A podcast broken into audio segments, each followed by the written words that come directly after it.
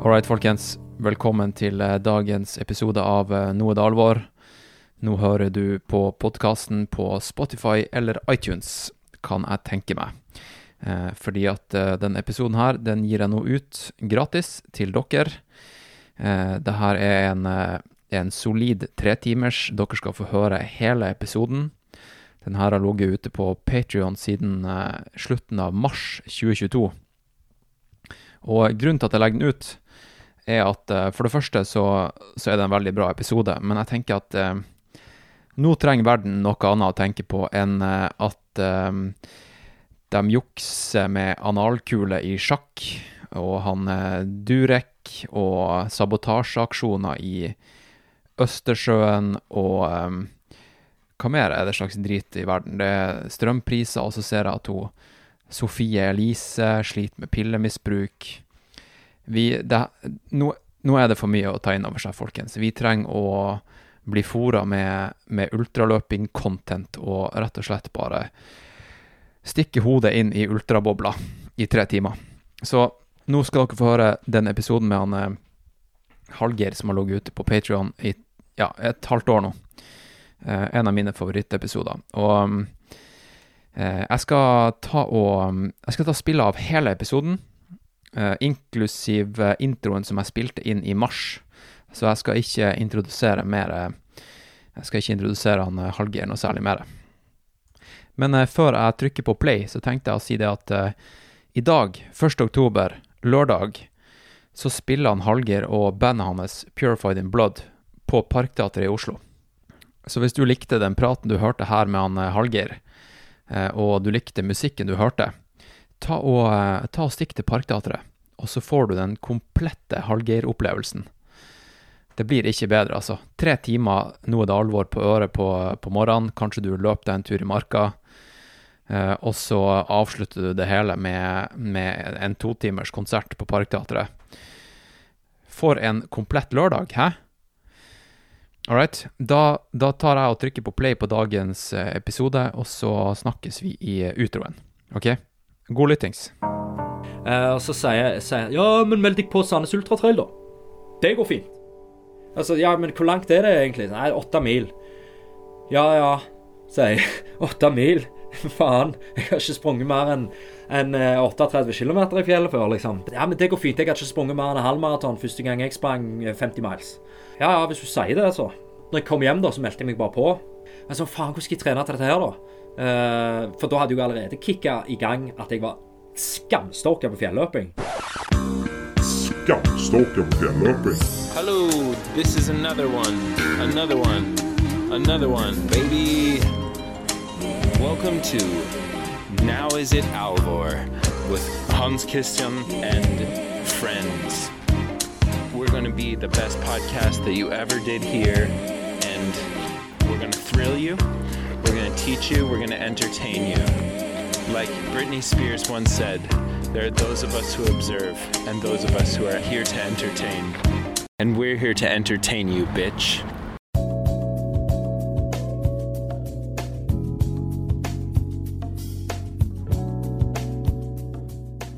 All right, eh, folkens. Velkommen til eh, nok en heidundrende episode av eh, Nå er det alvor.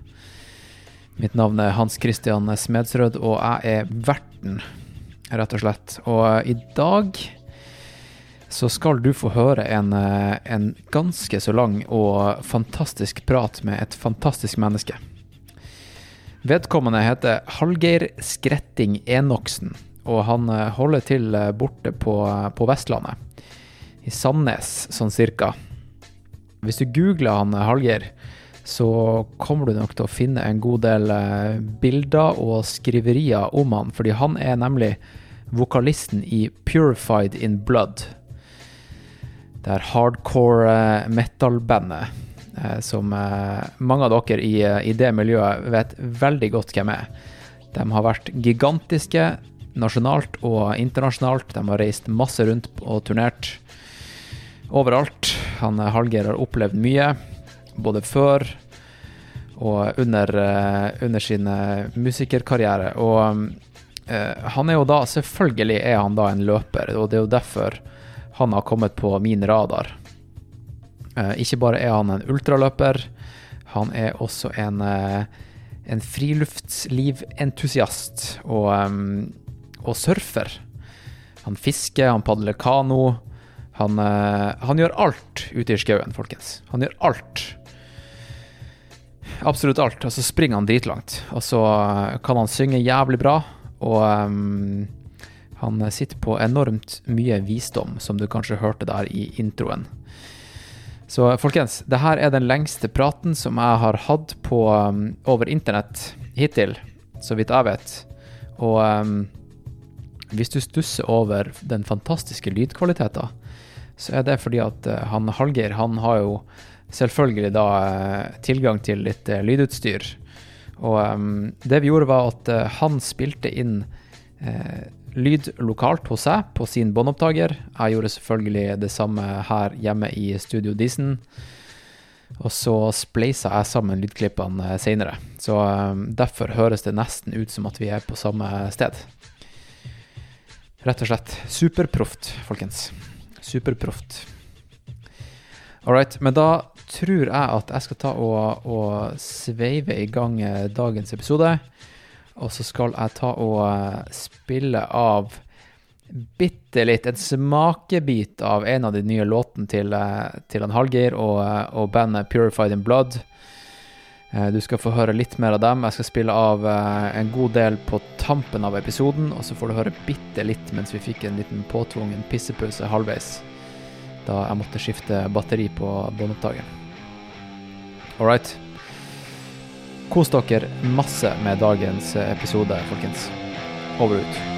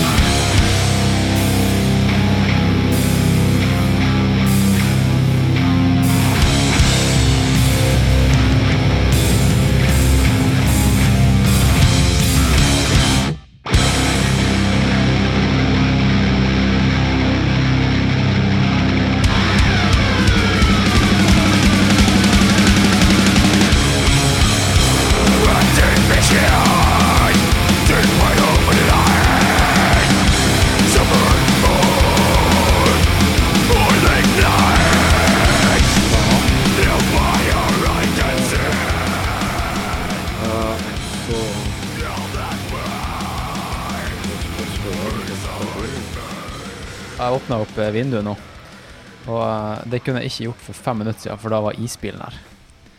Jeg skjønner, Ja, jeg skjønner ikke at isbilen får lov til å holde på sånn her. Jeg hadde en, eh, hadde en Alaska Malamut eh, som polarhund, for vi fikk omplassert den etter vi fikk den andre ungen. Den ulte sinnssykt når den bilen kom, så det var egentlig litt nice. Men jeg skjønner ikke, altså De, de krangla. Men la oss si at jeg skulle selge noen tøfler.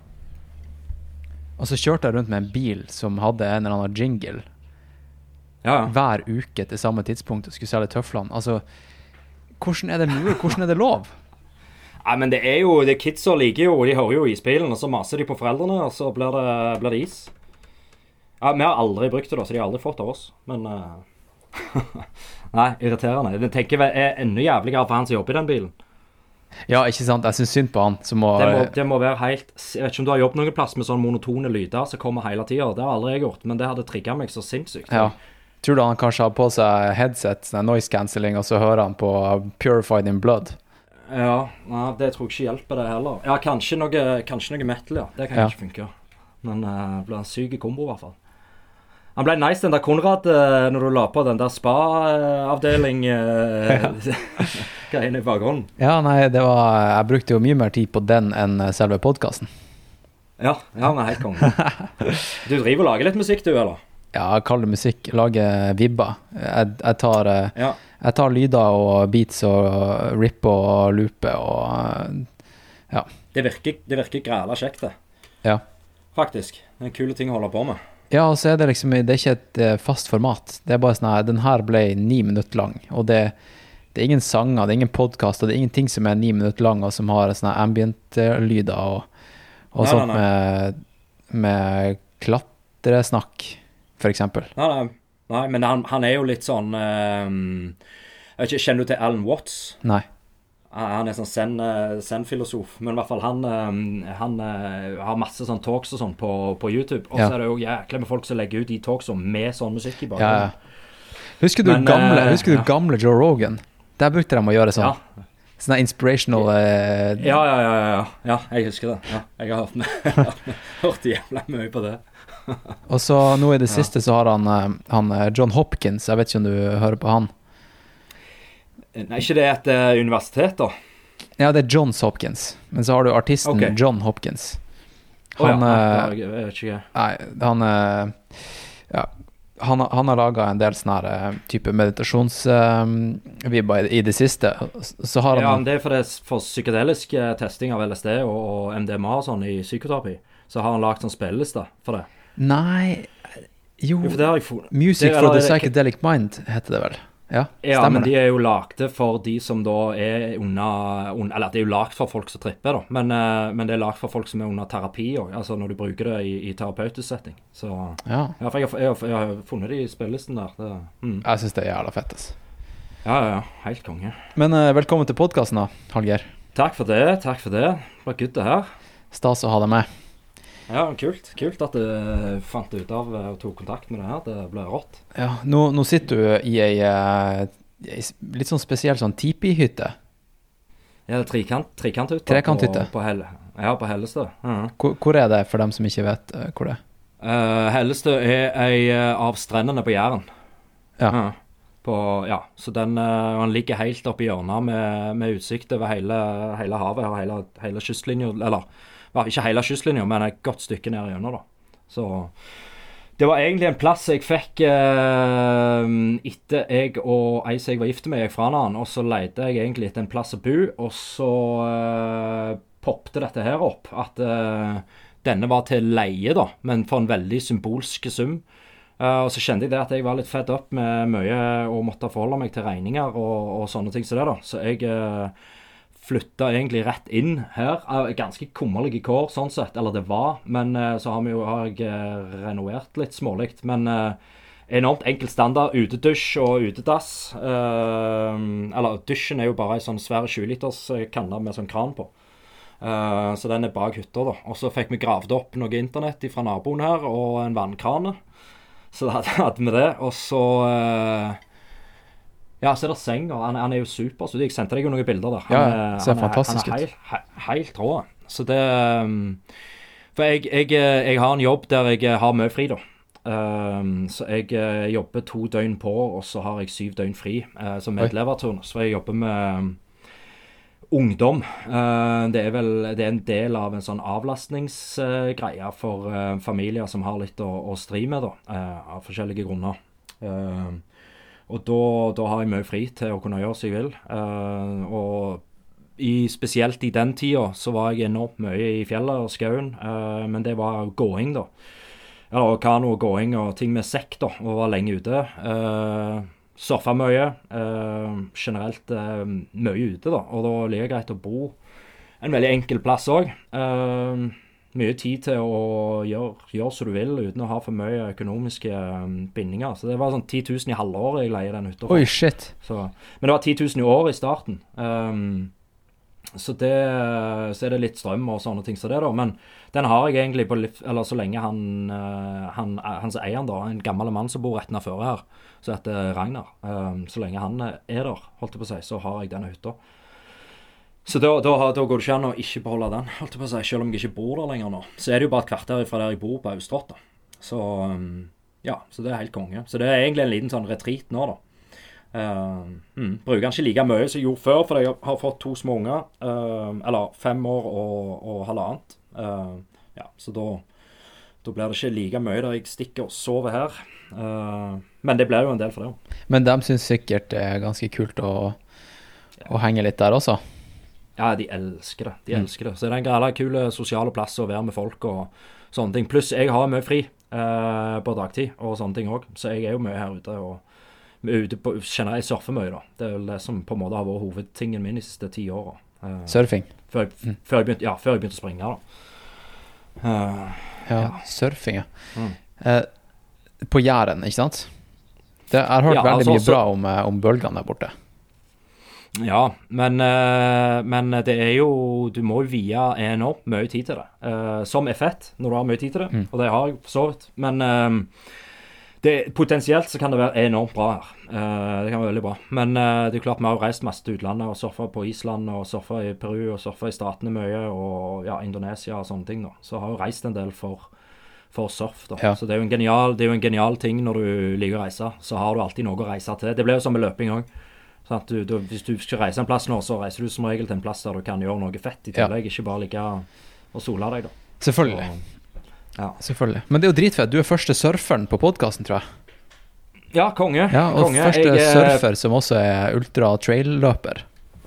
Ja, jeg liker ikke å definere meg som noe som helst, egentlig. Men, eh, men ja, jeg, eh, surf har vært en, en, en enormt fri arena å holde på i. For det Ja, det er såpass uforutsigbart og tidvis brutalt på vinteren um, at det, det er enormt stimulerende, og du har nok å nerde på, liksom. Um, så det er ja, så det kombinert med å være um, mye i skauen, da, uh, og ha den jobben som jeg har Jeg har så, jobben min så har jeg hatt ei villmarksgruppe i ti år, um, så der jeg tar med ungdommer ut i skauen. da.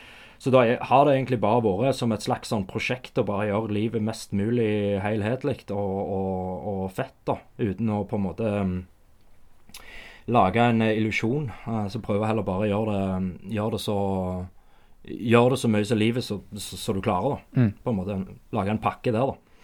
Uh, der det meste du gjør, er egentlig ganske givende. Uh, og, og ja, kjekt å holde på med, da.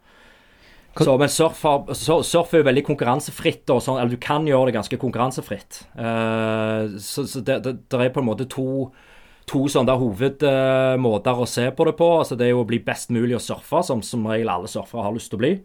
Uh, men det er en veldig sånn du, du, Det trenger ikke være fokuset. Du kan konkurrere med surfing, og sånn, så det har aldri vært min greie. Eh, jeg er habil nok å surfe, men jeg er ikke uansett en som har noe behov for å konkurrere, eller hadde vunnet. eller liksom, Så det, det har vært en sånn det har vært en helt annen plass i mitt hode. Så surf har på en måte vært en fri plass der du egentlig bare er Du er ganske tett på um, Ja, du er tett på elementet, egentlig. Eh, og så er det jo et enormt rått nettverk med kompiser og, og sånne Ja, ting, da. ja. Så mm.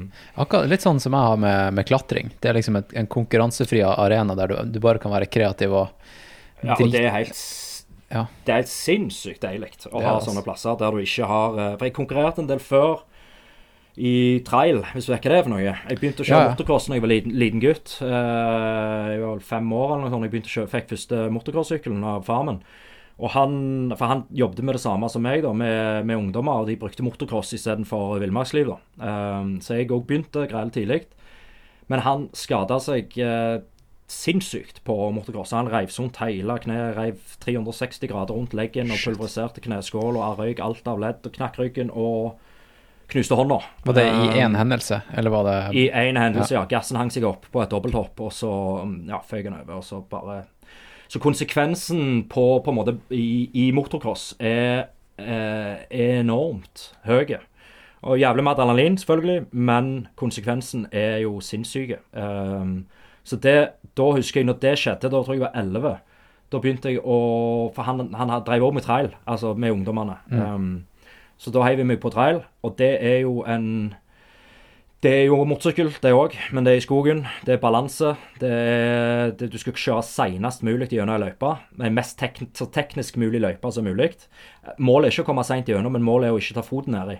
Så du skal på en måte, du må stoppe opp veldig mye, Ja, stå stille, hoppe, hoppe rundt, stå på et hjul, og så gasse opp en bratt skråning. Sånne type ting. Så det, det var jo det, Der konkurrerte jeg en del. Um, og det var, det var fett, men så blir det på en måte Jeg vet ikke, jeg liker det frie mye bedre. Altså det som ikke er for konkurransestyrt, da. Uh, det er gøy med konkurranse, Ja. og jeg elsker konkurranse, men det kan ta litt feil fokus, kjenner jeg. Jeg så jo på Altså- jeg så, du vet, um, Det var sånn NM-uke på NRK nå, der Ja. de viste masse forskjellige idretter som ellers ikke får en arena på NRK. da. Og ja. det var jo randonee, og det var, det var klatring, Eller buldring, da.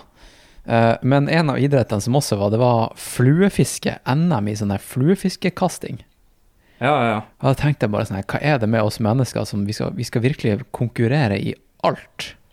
Ja, for der også, Det òg er jo en sånn plass. Jeg fisker litt med fluer, men ikke like mye som kompisene mine. Jeg har mange kompiser som er ekstremt, eh, ekstremt opphengt i fluefiske, som er jævlig fett.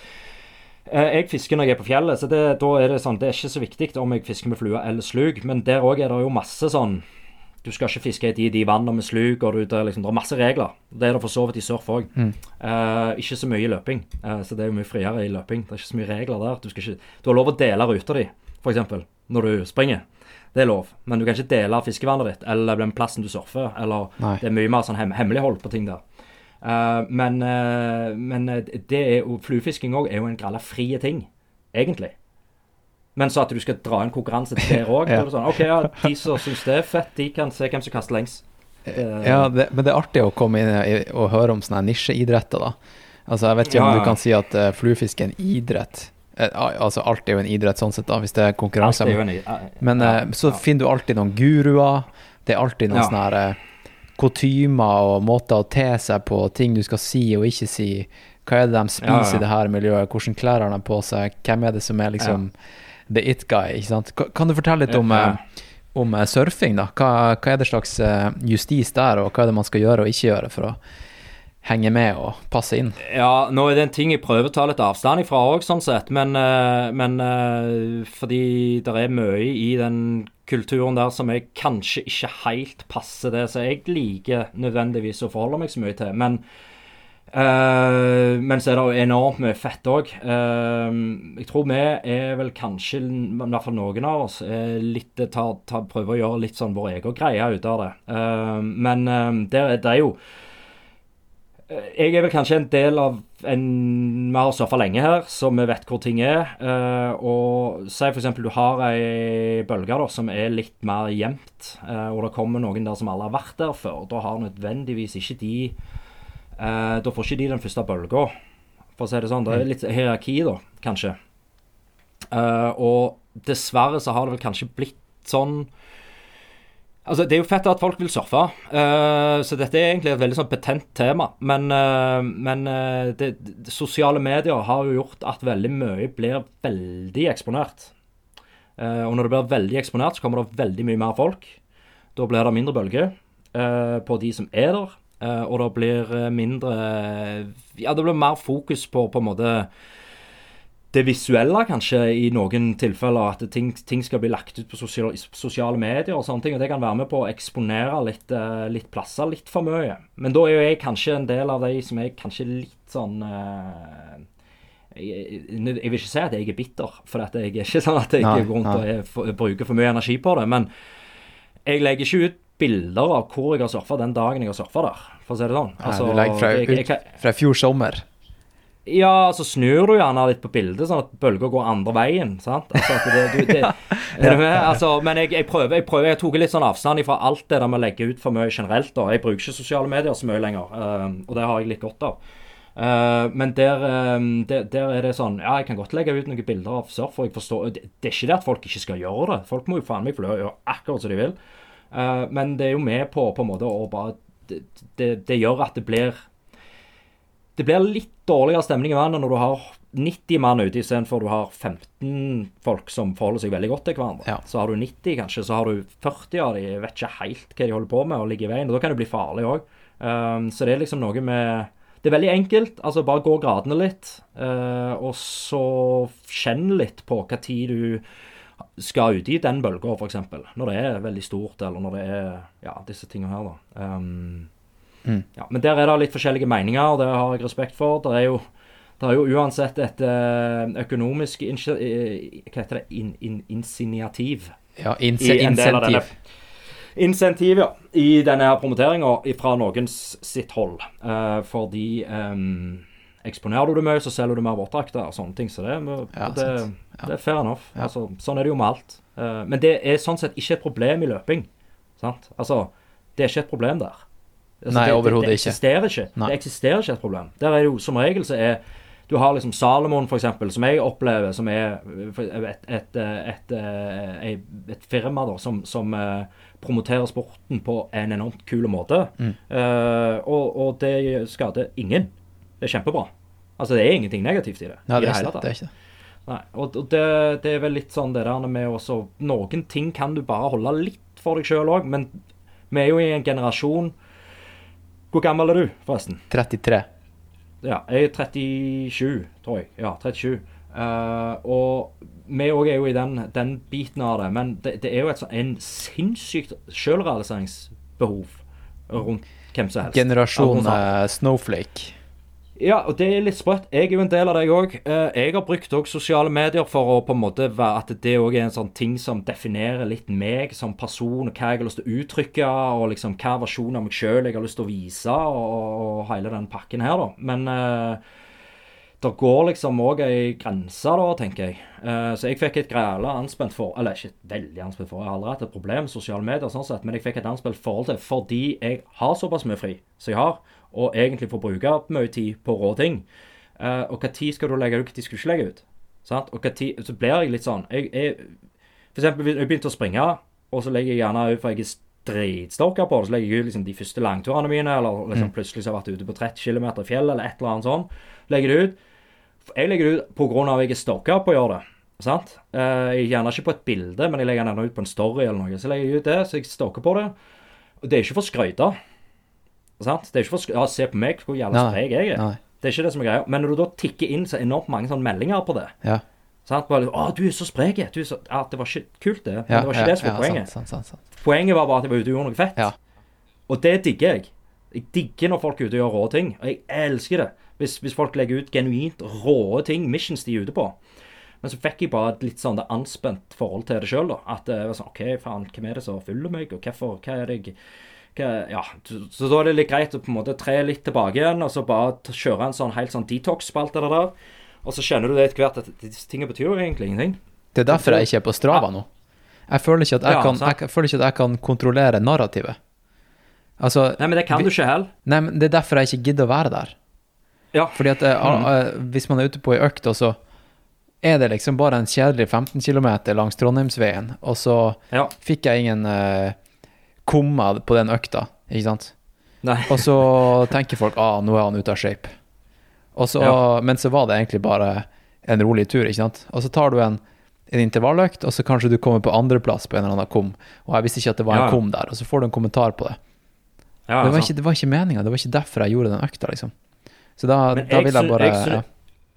Jeg syns jo det. Hvis jeg hadde Jeg, jeg følger deg på Strava, tror jeg. Uh, og uh, For jeg følger mange som jeg på en måte syns gjør en kule ting i Mm. løping. Uh, har ikke så mye skam på det der. Selv om jeg ikke sånn sett kjenner deg kanskje litt etter hvert nå, da. Men eh, det er sånn, jeg hadde, Det hadde ikke gjort meg noe å sitte en 15 km-økt. Og jeg hadde ikke tenkt noe over det hvis du hadde sprunget i 5.30-tempo. Da hadde jeg tenkt sånn ah, faen, der er du inne på noe. Ja, der jobber du bare basetrening. Ja. Det er det tøffasene egentlig må vise at de gjør. Ja. Sant? Ja. Fordi, at det, er, det, det, fordi det skaper et feil bilde òg, å bare holde på med de der kjappe turene. Og da, da, da skader du deg jo til de grader sant, etter hvert. Sånn som jeg har gjort òg. Ja, ja, ok. Jeg har trent for hardt. Eller ja, etter det løpet, og what vi kan komme til det. Men, eh, men det er sånn eh, Jeg syns det er fett å følge med, spesielt kompiser, da. Liker jeg å følge på Strava. Mm. Uh, og så liker jeg å følge rå orienteringsløpere fra området her, uh, fordi at de viser meg nye plasser. Uh, så kopierer jeg backset deres, og så trikser jeg den litt til på min egen del, og så har jeg en ny runde, da. Ok, men der springer du bare utafor for løypa? Ja, men det liker jeg veldig godt. Ja, ok. uh, ja, og vi har mye sånne ting som er på en måte fer, fer, ferdselsåret, som det heter. Uh, som bare er sånn nødling, eller småverder som er rundt omkring. Spesielt oppe i, i fjellene her, da, som er litt de skikkelige fjellene. Ikke de som ligger rett rundt Sandnes, men, men de som er litt større. Uh, oppe i Dirdal Sirdal og dette greiene her, da. Der er det jo på en måte Du tror det, det ser ut som det er merka en sti på kartet, men så er det ikke det. Altså, Det er bare ferdselsårer fra gammelt av. Så da er det jo Da nytter det ikke å komme der og tro at du skal springe på sti, og så er det ikke sti. Uh, og Nei. stien er jo ofte verre enn en, uh, Hvis det er en godt brukte sti, så er den ofte verre enn å springe i lyngen, kanskje. Altså disse greiene her, da. Men de folka syns jeg er greie eller kjekke å følge, og så syns jeg det er kult å se på kompiser. Uh, og så er det kult å se på folk som ja, om de har skadet seg eller whatever, når de trener opp igjen. sant? Altså, det er kult. Jeg syns jo det som er litt dumt med Strava, eh, for min del, er at jeg liker å skrive ting på Strava, f.eks. Mm. Jeg syns det er gøy å skrive. Sånn var det der. Den stien var kul. Den stien tar jeg ikke igjen. Altså sånn og sånn. Der var det teknisk, eller et eller annet. Eh, og så har jo andre kanskje et annet forhold til det, der de bare legger det ut lunchrun. Sant? Ja, sant, ok, sant. Kult. og Hva var det for noe? Ja, fair enough, du sprang den. Kult. Eh, men for meg gjør det ingenting hvis noen skriver noe, for da er det liksom litt mer spennende hvordan de opplevde den turen der. da. Hva syns du om en lunsjrun som er liksom 50 km lang og 3000 høydemeter? Ja, det er, litt, det er litt kult. Det er litt fett, ja. Så der er, der er litt kult, ja. Ja. Uh, men så er det sånn Det, det er sprøtt òg med Strava. Skal du holde på å legge ut treninga di, liksom? Det er veldig en sprø ting. Se, se hvordan jeg trener. Altså, det er veldig privat, egentlig. Det er egentlig veldig uh, privat. Du legger ut GPS-koordinatene, hvor du var på et gitt tidspunkt. Ja, der har det kommet noe nytt med Strava da, som er græla kult, og det er at du kan gjemme den. For, for min del, hvis oh, ja, jeg vil på en måte både springe og fiske, for det går òg an, å ha med fluestanger på sekken på en litt sånn større, større, større løpesekk, da, 25 liter, eller 20 liter Ja. sekk, eh, skal du ha med deg stæsj, og da- da kommer du igjen tilbake til det der hemmelighetsgreia, da. For du skal ikke vise hva vann du har i. Nei, sant. Sant. sant. Så da har det liksom fucka opp litt når jeg teller hvor mange kilometer jeg har sprunget den uka, f.eks. Men jeg kan ikke legge ut den fordi at jeg da er innom det vannet, eller en sånn ting, da. Eh, men nå kan du jo skjule hvor du har sprunget, da. Så det Ja.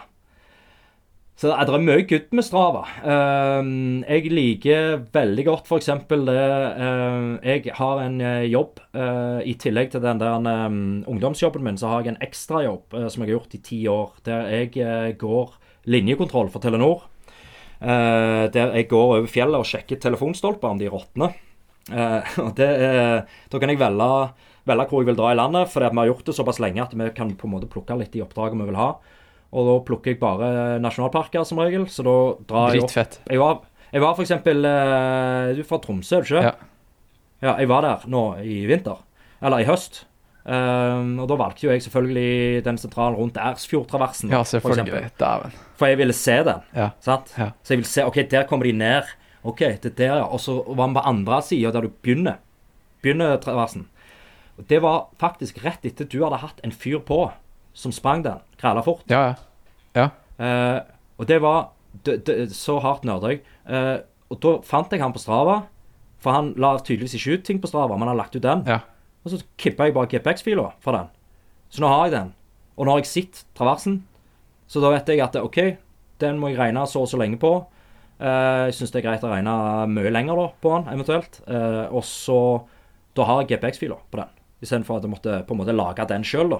Så har jeg der han har sprunget. Uh, så sånne ting liker jeg veldig godt. Og så sier jeg f.eks. jeg skal til ja, en eller annen plass. Um, og så er jeg der, og så har jeg ikke fått gjort så mye research uh, på er hen. Men så bare går jeg inn på Strava, og så finner jeg uh, segmenter det er, med bratte bakker og sånne ting. Og så trykker jeg inn der, og så ser jeg på de som, et par av de som har sprunget der, så trykker jeg inn på ruta deres, og så ser jeg hvor de har sprunget. Å ja, faen, det går an å springe der.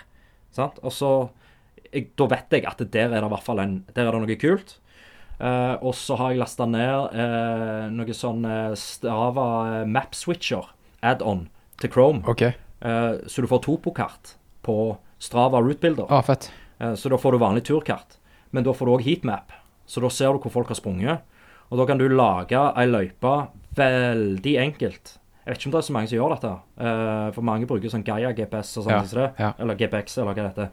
Jeg syns den er litt knotete. Jeg har brukt eh, Garmin mye. Ja, den er i hvert fall knotete, Mm. syns jeg. Eh, I hvert fall når du har veldig tekniske stier og, og, og sånn som det. Men det å bruke heatmaps, eksempel, eh, da ser du hvor folk flest har sprunget. Og så kan du da, så la, bruker du route-bilderen, eh, og når den ikke klarer å generere seg automatisk, så trykker du bare på sånn at, den, uh, sånn at du gjør det manuelt. Og da, da, tar, kobler jeg bare Mac-en min kjapt opp på, på mobilen, og så lager jeg eh, GPX-fil på ti minutter. Så har jeg gjerne en halvmaraton eller et eller annet i fjellet, og så gjør jeg det etter jeg har vært på jobb og gått stolper. da. Så når jeg er ferdig med det, så tar jeg den runden, for da er jeg der. Sant? Eh, og med å gjøre det på den måten, så har jeg da fått sitt uh, sinnssykt mange rå plasser, som jeg nødvendigvis ikke hadde funnet hvis jeg bare hadde gått på ut.no eller brukt et vanlig papirkart eller alle disse her greiene her, eller ha kjennskap til området. Ja, sant. Så da Ja, bra hack. Kjører du gjennom Ja. og, øh, kjører du gjennom rundene eller et eller annet, kan du bare stoppe der så rondene løpet starter, og så kan du ta deg en runde. Det gjorde jeg òg, f.eks. Sprang rondene. Ja, um, ja. Så jeg, jeg har sprunget ganske mye nasjonalparker, da. For det, det er fett å springe i kul natur. Rått. Er det vanskelig å få en sånn eh, jobb, eller? Er det bare å melde seg på, eller? Hvilken av deg? Eh, Den, Den eh. Telenor-stolpejakten.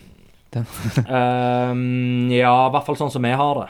Ehm, Så må du liksom kjenne noen, kanskje, eller noe Ja. sånt. Så det, jeg, jeg fikk det fordi um, uh, eksdama til bestekompisen min, faren hennes holdt på med det, og han visste at jeg likte å gå mye i fjellet. Uh, og så var det sånn jeg fikk han, på en måte. Så jeg bare holdt fast på den. Ja, ja. Så, um, så det, men det, det er kult. Det er akkordjobbing, da. Så da, da går du på en måte til du ikke har lyst til å gå mer, og så er du ferdig for dagen. Og så, ja. Men jeg, jeg gjør ikke disse tingene så mye nå som jeg gjorde før, fordi jeg har to små unger hjemme, og jeg eh, prioriterer ikke å være så mye vekke da, eh, fra de. Så det Ja, jeg er heldig nok som jeg er med den setupen jeg har med jobben min. Så det er sånn. Det, jeg, jeg, ja. Jeg gjør det litt. Og så hvis jeg gjør det mer enn det, så blir det plutselig, så blir det plutselig litt slitsomt, alt sammen. ja sant. Det blir, blir som med løping, egentlig. Ja, det kan du trygt si. Men, ja, ja. men uh, Mm. Hallgeir, Mm. hvem er du? Jeg er Jeg vet ikke hva folk kjenner meg egentlig mest for, men det er sikkert bandet mitt, da. Mm. Uh, jeg spiller i et band som heter Pure Fan Blood. Det er et uh, metal-band. Uh, dødsmetall, egentlig. Vi har holdt på i nærmere 20 år, så vi, vi starta Starta på ungdomsskolen.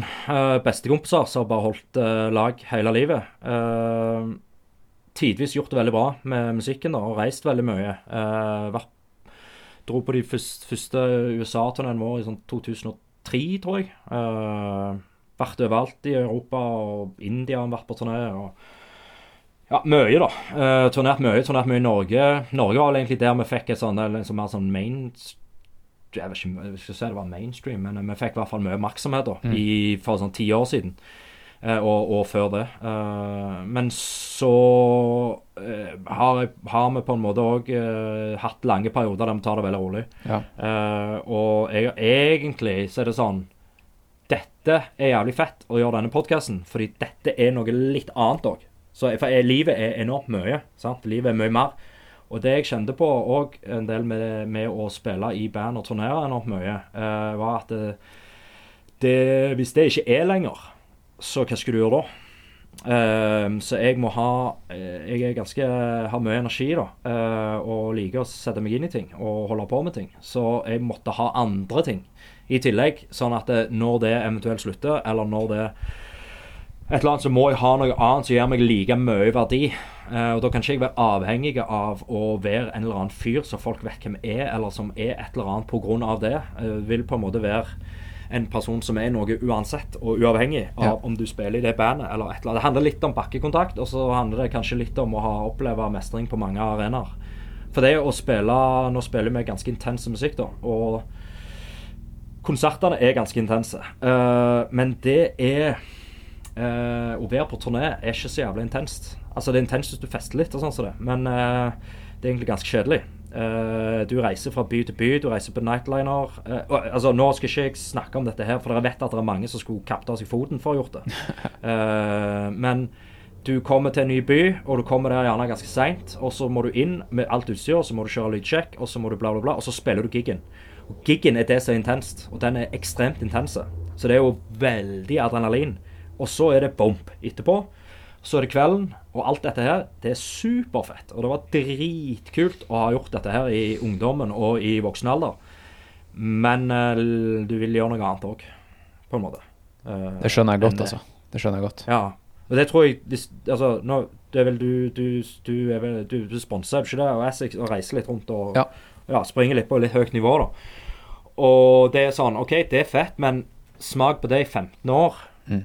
Er? Hvis du skal gjøre det i 15 år, og må deale med skader og greier, hvis det er hele pakken, så tror jeg det er sunt å ha klatringer. Jeg, synes, jeg tror det er sunt å ha poddinger. Jeg, jeg tror det er sunt å ha ei dame som driver med andre ting. Nå vet ikke jeg om du har det, men, men uansett. Altså det, det å ha en del andre ting å føle mestring på, uh, som òg ikke krever feedback fra andre. Uh, for det er ganske sånn vi var, vi var veldig tidlige med å bruke sosiale medier, f.eks. med bandet vårt. Da, da startet vi jo på en måte med med MySpace og sånne ting. Uh, vet ikke om du husker Ja, det? jeg husker det. Jeg husker- jeg hadde om min egen MySpace. Der, og, og, ja, og Friends da og sånn. Uh, og det var jo den tida da vi turnerte med i utlandet, så da fikk vi et enormt nettverk av likesinnede folk, da. Uh, for vi kommer jo fra en ganske hardcore punk-scene, da, egentlig. Men selv om vi er et metal-band, så kommer vi fra en uh, ganske politiske og og egentlig vet, fokus på tida Altså, du gjør ting sjøl, du trykker opp ting sjøl, du lager ting sjøl, du booker turneene dine sjøl, du gjør alt sjøl. Eh, og du, og du sover på gulvet til folk når du kommer til en ny by. Uh, sånne ting som det da, Og får jo et enormt nettverk med folk rundt deg. Så da var jo MySpace på en måte et bindeledd der. Uh, og så husker jeg etter hvert så begynte det å ta litt av, sånn i, i, i Norge eller Skandinavia, eller egentlig sånn. Ble plukket opp av litt sånn plateselskap og vant litt priser og sånne ting som dette her. Og det skapte jo mye blest, så da ble du på en måte stuereina av de der bransjefolka, da. Som jeg alltid har hatt et litt anspent forhold til, men jeg liker veldig mange av de. Uh, men det er liksom det blir sånn syn, syns jeg på-greier. som er litt vanskelig å forholde deg til når du kommer fra en litt mer punkete bakgrunn, da. Det er ikke det som nødvendigvis er det som betyr noe om Nå gidder jeg ikke nevne navn, for dette, jeg, jeg har gode toner med de fleste. Men, men, um, men uh, om de liker det eller ikke, eller om du vinner en pris eller ikke, det, det betyr egentlig ingenting. Nei. Um, Det, det blir som med ultraløping, da. At det, det er mange som, som bare vil til mål. Drit Ja. i hvor lang tid du brukte. sant? Ja, sant. Men så har det jo vært sånn at vi har jo, har jo på en måte en fanbase. Vi har liksom, vi, vi, vi har, det er ikke problem for oss å spille en gig, og det kommer folk, og det er fett. Men da fikk jeg òg et ans litt anspill forhold til sosiale medier der òg. Så vår, våre kanaler der har egentlig ligget ganske brakk.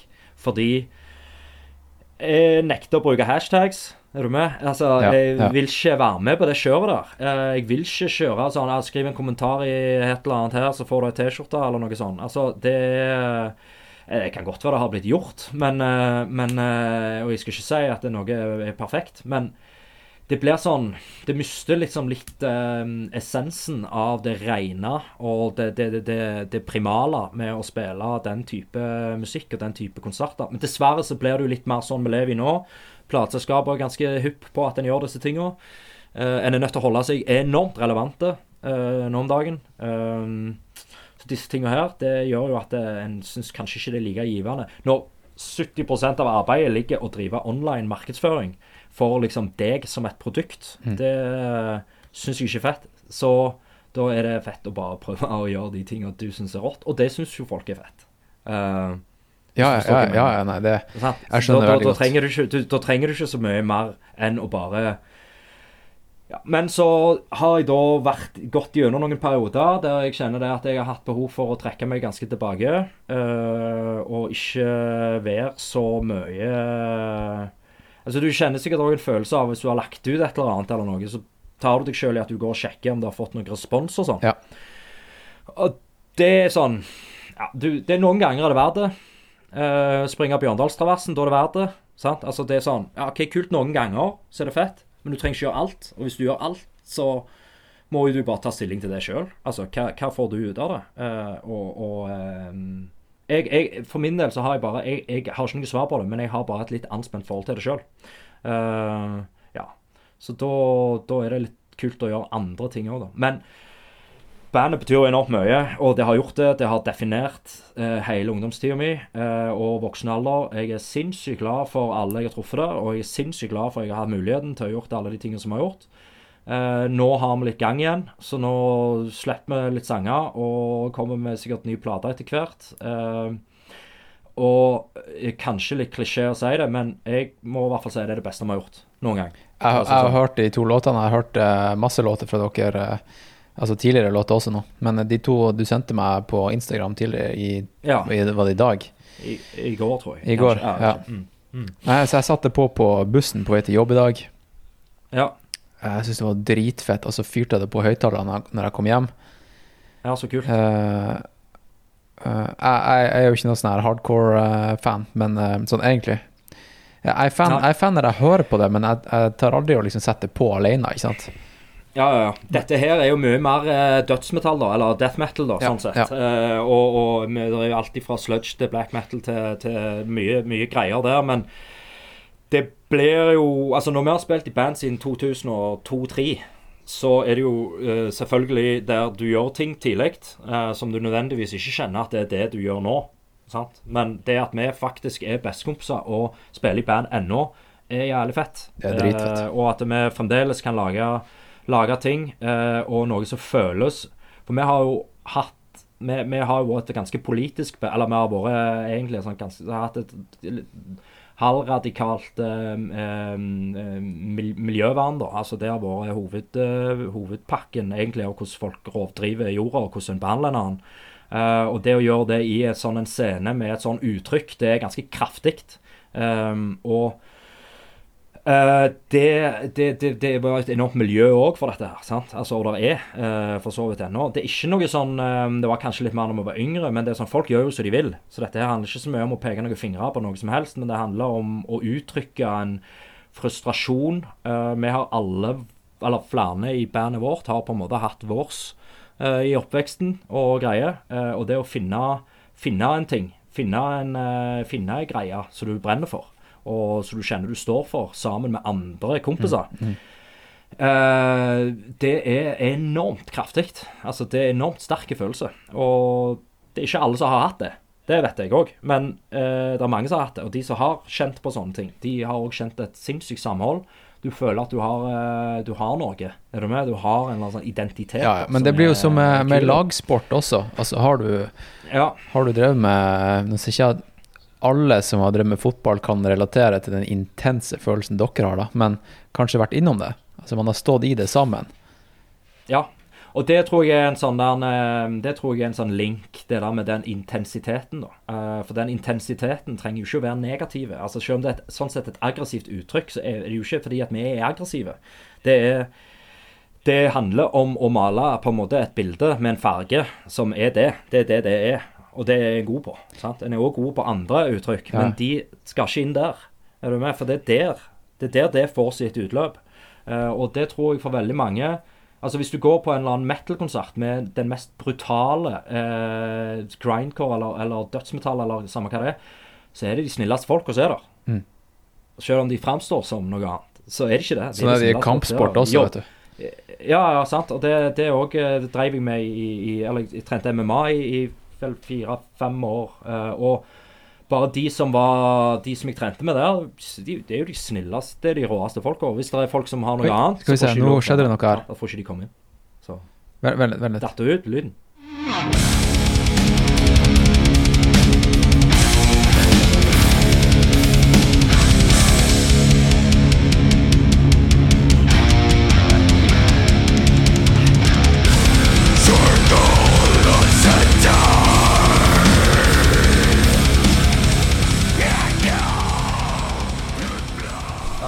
Var vi tilbake.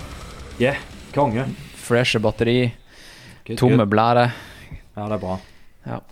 Nå hadde jeg drukket mye kaffe, jeg er sånn småskjelven, jeg. gleder meg, gleder meg, vet du. Ja, ja, ja. Nei, det skjønner jeg godt. Ja, Eh, jeg, gleder meg, jeg gleder meg så sjukt til hver eneste podkast. Det, det det er den feteste hobbyen.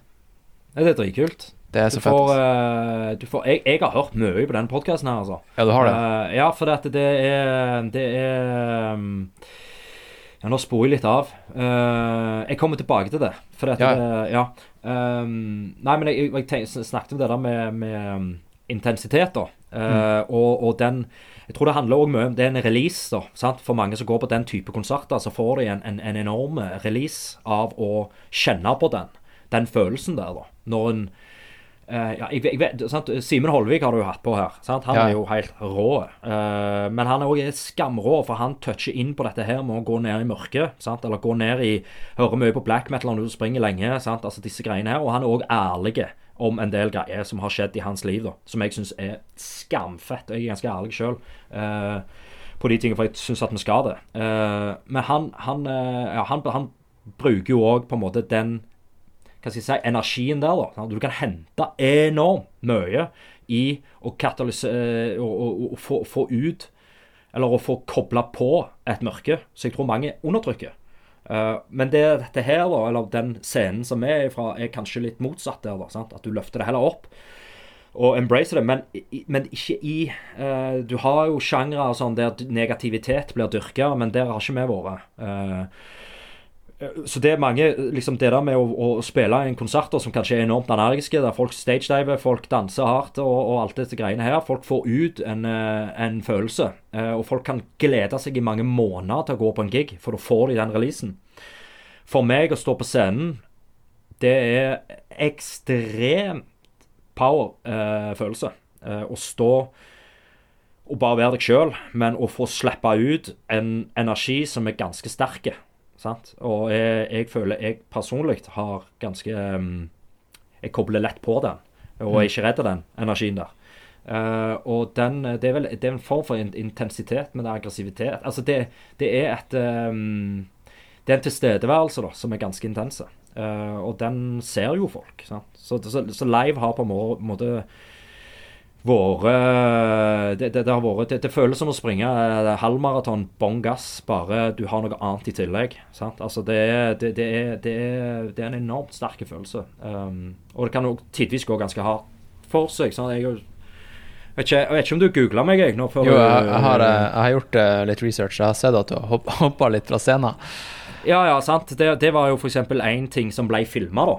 Uh, tilfeldigvis. Men det, det var jo da spilte vi en gig. Det var ganske rått. Det var en periode der jeg spilte mye barføtt. Uh, fordi at jeg uh, Hadde du lest det. Born to Run, eller? Nei, vi, vi, vi, kob, kobla den på egen hånd. Fordi at ja. vi var på turné i USA med en gjeng med, med relativt uh, Jeg vet ikke hva jeg kanskje sier de var hippier, men de var ikke det heller. det var liksom før den der grønne bevegelsen ble så veldig populær. da og der var liksom mange som gikk barføtt, og sånn, så det husker jeg bare at jeg reagerte. Men jeg får gå barføtt, og så bare begynte jeg å gå liksom, prøve det litt sjøl. Gå barføtt. Det er jo helt fantastisk. Og det, Da husker jeg jeg kjøpte min første par med sånn Five Fingers uh, i 2005, 2005, eller noe sånt som det. Uh, men ja, poenget er i hvert fall hvis du spiller en gig barføtt, det er helt fantastisk. Sant? Men det er jo skamfarlig, for dette er jo glasskåredritt. Ja, selvfølgelig. Uh, så, så, det er jo sånn Men så husker jeg at han ene roadien vår da, um, sa liksom Nei, Helge, bare ta på deg skoene. Ta på deg skoene. Og sa nei, faen, uh, gjør ikke det. Uh, det er helt rått. Og det var på et teaterscene. Da hadde jeg sett det var en sånn reiser bak på tre meter. Uh, den var nok tre meter, to og en halv, eller noe sånt Så det. Foran den reiseren så sto Sander, gitaristen, med et dobbel Marshall-stack. Og tenkte sånn at det er helt rått, så jeg går opp bak der. Og så står der og synger litt. Og så hopper jeg over Sander. Jeg har alltid hatt god spenst, liksom, tenkte jeg. Eh, det har aldri, ja. Um, så bare dryller på. Hopp, hopper jeg over han, og så lander jeg jo i ei sånn sprekke i scenen med hælen. Uh, så følte jeg at jeg sklei på et banalskall og datt ned på rumpa. Og så tenkte jeg at det faen, det slo jeg meg i ræva. Tenkte jeg, og så reiste jeg meg opp, gikk jeg opp på monitoren, så kjente jeg at det er noe galt med foten. Og så tar jeg opp, flekker jeg opp foten, og så henger hele hælputa og flapper av som en sånn svær kotelett. Og så så jeg inn i hælbeinet, da. Så da hang ah. jo Halve foten min hang og dingla, liksom, i ei kjøttflusse. da. Uh, og da bare tok jeg kutt, kutt, liksom. Og de andre sa hva, hva, hva, hva er greia? Alle ble helt sånn Hva skjer? Så da så jo han ene Han ene rådien så dette her, da. Sprang ut på scenen, tok meg. Jeg hinka av scenen. Da var vi på turné med kvel, Kvelertak. Uh, ikke om du kjenner til de, men det er i hvert fall Ja, uh, ja det er gode kompiser også. Um, og da gikk bare han Erlend, han gamle vokalisten, gikk han bare ut på scenen og bare tok mikrofonen og sang videre. For han kunne tekstene, så han sang videre. Så gikk jeg backstage med han der, og så så de hva problemet Så tok de et håndkle, surret rundt foten min feil vei. Altså Når du legger på en bandasje og du har svære rift, så må du legge det på rett vei. For når du tar det av igjen, da, så henger det jo det fast ah, ja, i bandasjen. Ja, ja. Så de la det på feil vei. Uh, og da var det jo bare ja, spilte de den sangen, og så gikk alle av, så var det helt krise. Så kom alle bak, og så var det liksom Så lå jeg der og beit på ei flaske, sant. Og var liksom, så kom ambulansen, masse morfin og greier, og så kjører jeg til sykehuset, og så syr det sammen. Og fem dager etter det Da var jeg på sykehuset, da. Og fem dager etter det så var jeg på scenen igjen med krykke og paralgin og sånn. Men det varte jo bare tre sanger, så kollapsa jeg der, da. Og så var den turneen ferdig.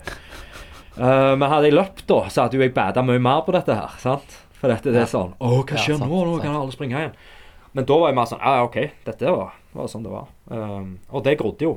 Uh, men det var han, han var ganske brutal, han kirurgen. Han uh, ikke akkurat, hadde ikke akkurat noe uh, spesiell um, kunnskap om hvordan du skal snakke til folk. Så han var bare sånn Ja, men jeg gjorde så godt jeg kunne, men, men vi vet ikke hva som skjer. og så var det OK. det var det, det, det, det er bra nå, eller? Nei, han er død, da. Hælen er død. Eller nerven er er død. Ja, Så den uh, har ikke følelse i den. Ja, men det er jo like så greit. Det er jo kanskje like greit, ja. Jeg får litt fantomsmerter sånn av og til, men det, det er ikke så gale lenger. Det har, de har numma seg til, da, heldigvis. Men det kunne gått mye Jeg hadde brudd i hel, helbu-greia òg, men det, det var sånn alt det der grodde av seg sjøl, for jeg kunne jo ikke gå på den uansett. Så um, Men jeg har òg hatt en annen turné der jeg var nødt til å spille med krykke, for jeg hadde knukket foten på ja, et eller annet tull da før det, og jeg hadde mye skader opp igjennom av forskjellige ting. Men uh, ja, det var vel den tingen som har skjedd på konserter som har vært, uh, vært drøyest. sånn sett. Eller jeg hadde, òg et hopp på HV-festivalen som var langt over det jeg hadde valgt å utsette meg sjøl for nå. Det var eh, fra en svær scene på, på, på hovedscenen der, og så springer jeg. Det jeg er vanskelig til å si hvor langt det var, men jeg har et bilde jeg kan sende deg etterpå. Det er ganske wildstyle, det bildet der. Ja, ja. Nei, da kan vi legge det ut på Instagram eller Patreon eller sånn. Fem meter eller et eller annet. Ja. Uh, men det gikk jo bra, da, sånn sett. Men um, ja. Nei, så det, men folk, andre folk da på konserter har jo kanskje fått ting som har skjedd med dem. Men um, det er jo en del, av, en del av pakken, da. Så ja. Jeg må bare spørre, det her, den her ragen, det her sinnet som dere har, eller som alle hardcore og metal-bandene har ja det, er jo ikke Eh. alt, det er jo ikke alle som på en måte nødvendigvis har det ektefølt, da. Det kan Nei, men- bli et image òg. Ikke Eh, sant? Fordi eh, Det var det jeg tenkte jeg skulle spørre om. Liksom, er det, kommer, Ja. det, kommer det ofte det, Da må det være en gjenganger, som regel, at uh, den altså, som vel- veldig- utøver, har vært ja. gjennom noe drit. Ja, ja, ofte. Sånn er det med ultraløpere òg. Ja, det var det jeg skulle innom. ikke sant? Ikke alle snakker om det. Nei, altså for min del, så, og flere av oss i vår gjeng, så har det vært kanskje en litt sånn uh, ting som har skjedd i oppveksten, da. Mm.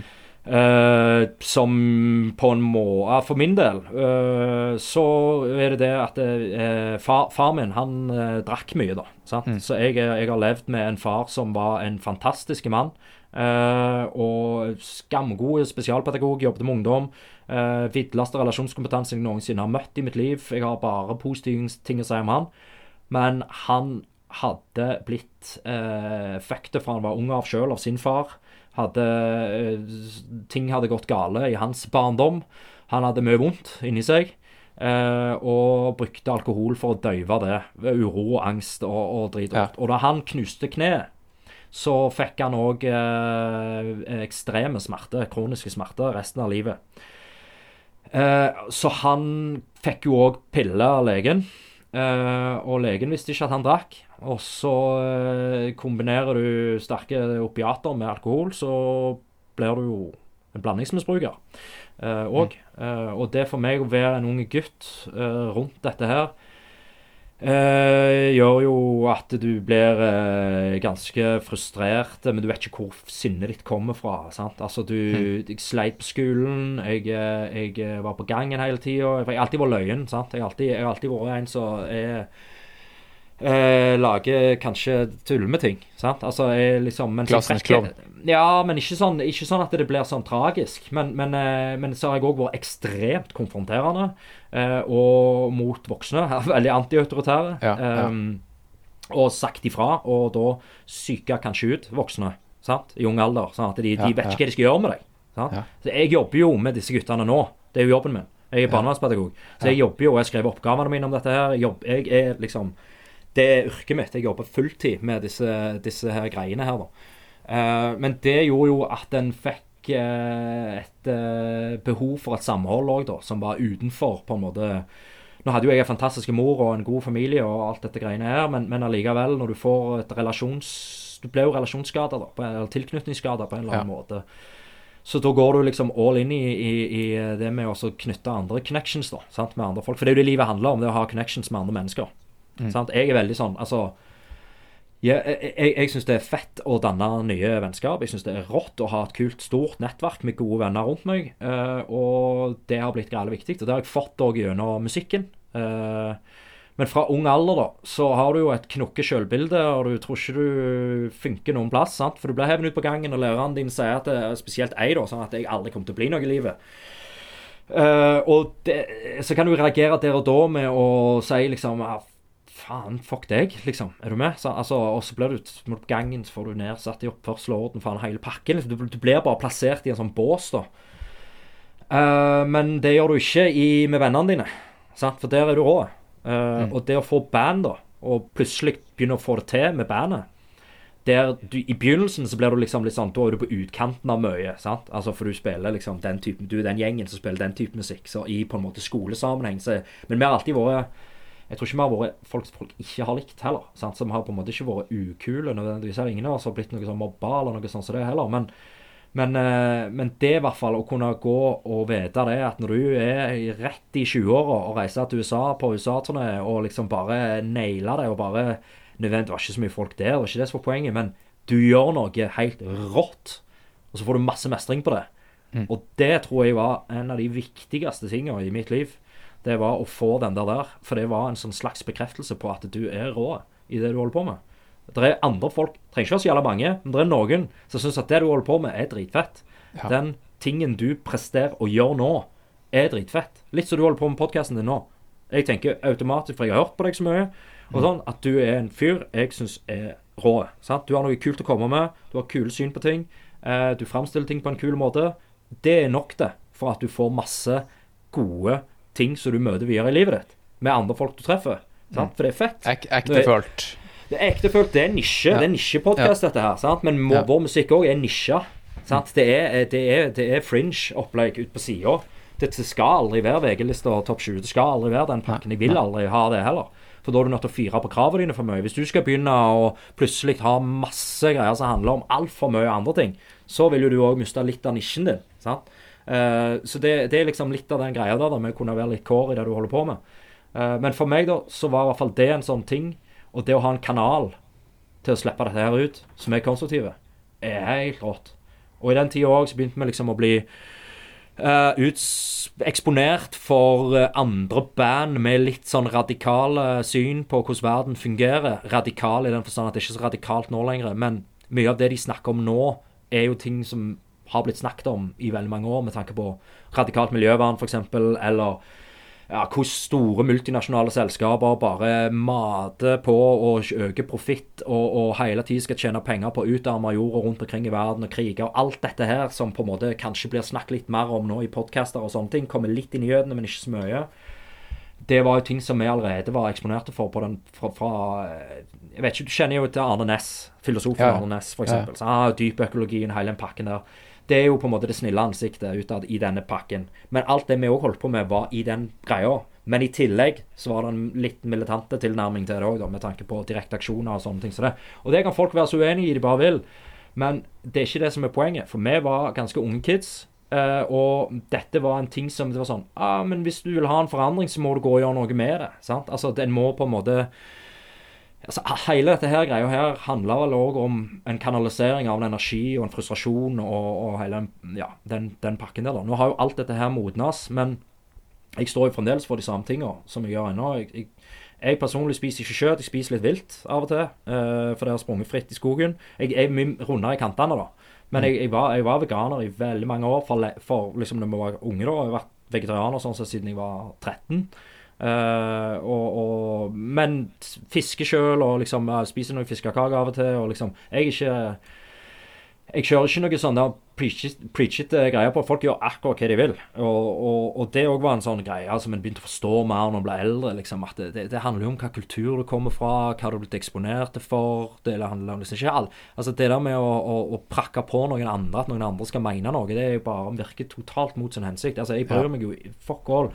Men, men det som er poenget, er jo at det liksom, eksempel Nortura de er jo ikke akkurat snille med grisene sine. Det tror jeg de aller fleste kan på en måte se når de ser Ja, ja. Altså, Det var en kompis av meg som lagde den dokumentaren som var på Brennpunkt. Jeg vet ikke om du så den? ja, jeg så, Vi skal, vi skal ikke gå så langt inn i dette her. Men eh, det er i hvert fall en kompis av meg som var med på jorda. Altså, Mm. Sånne ting som dette skjer. Ta stilling til det. Tenk hva du vil om det. Bry deg eller ikke. Det handler ikke om å bry seg heller. Det er bare å du, du, Sånn er det der, sånn er det der. Vi hadde i hvert fall dette her som en del av en større pakke av hvordan vi så på verden. da. Uh, og på en måte hva som eventuelt kan bli bedre, hvis en på en måte ser litt mer helhetlig på ting. da. Hvis en har lyst til å leve i en fin verden og være OK med, med hverandre. da.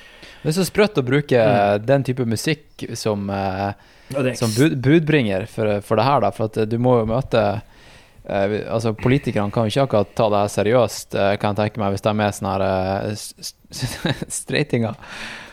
Nei, men så gjør de det òg, etter hvert. Gjør altså, det? Ja. ja, ja, Det er jo mange profilerte både musikere, kunstnere, eh, politikere eh, som har kommet fra denne scenen her.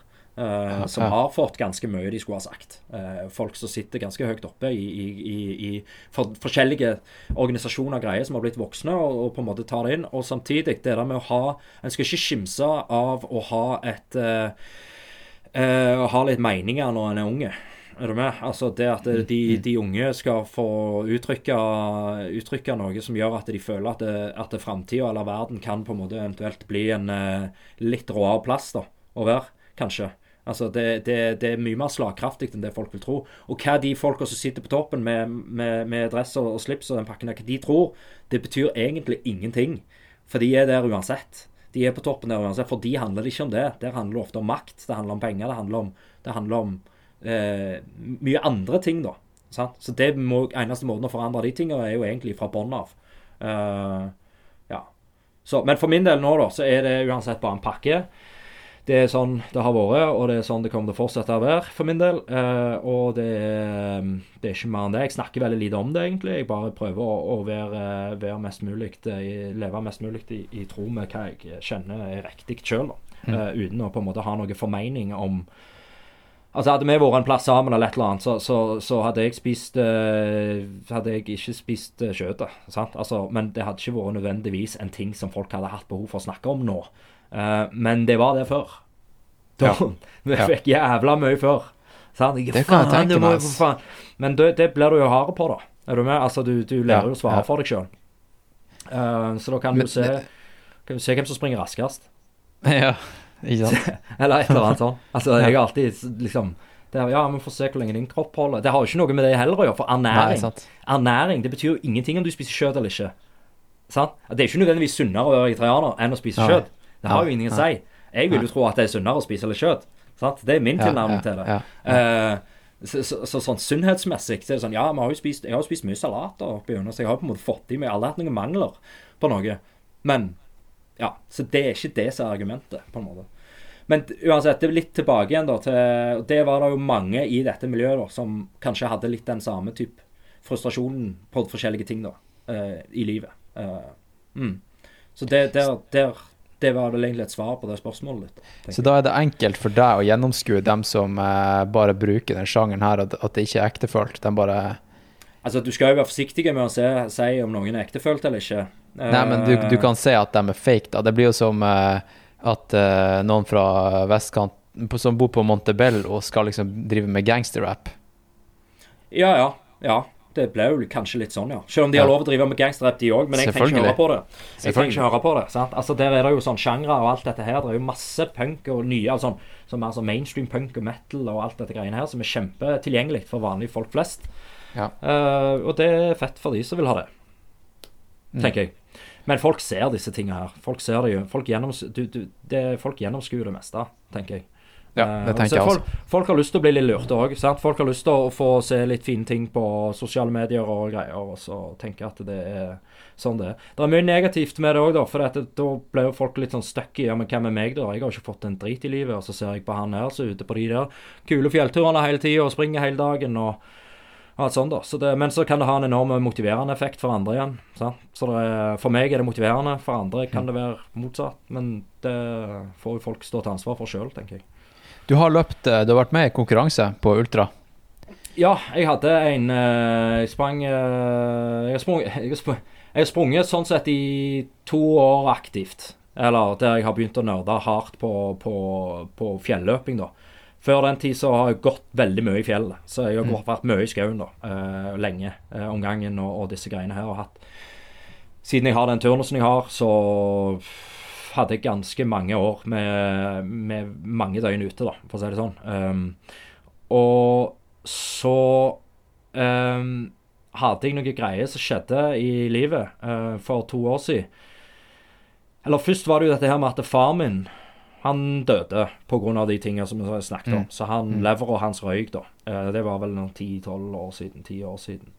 Um, og, og da begynte jeg å gå mer i skauen. Og begynte jeg å gå i skauen lenge. Og være sånn, da ville jeg være ute ei uke eller to uker eller tre uker alene, da. Eller kanskje sammen med I senere tid var jeg sammen med dama mi, da, men jeg ville helst egentlig gå alene.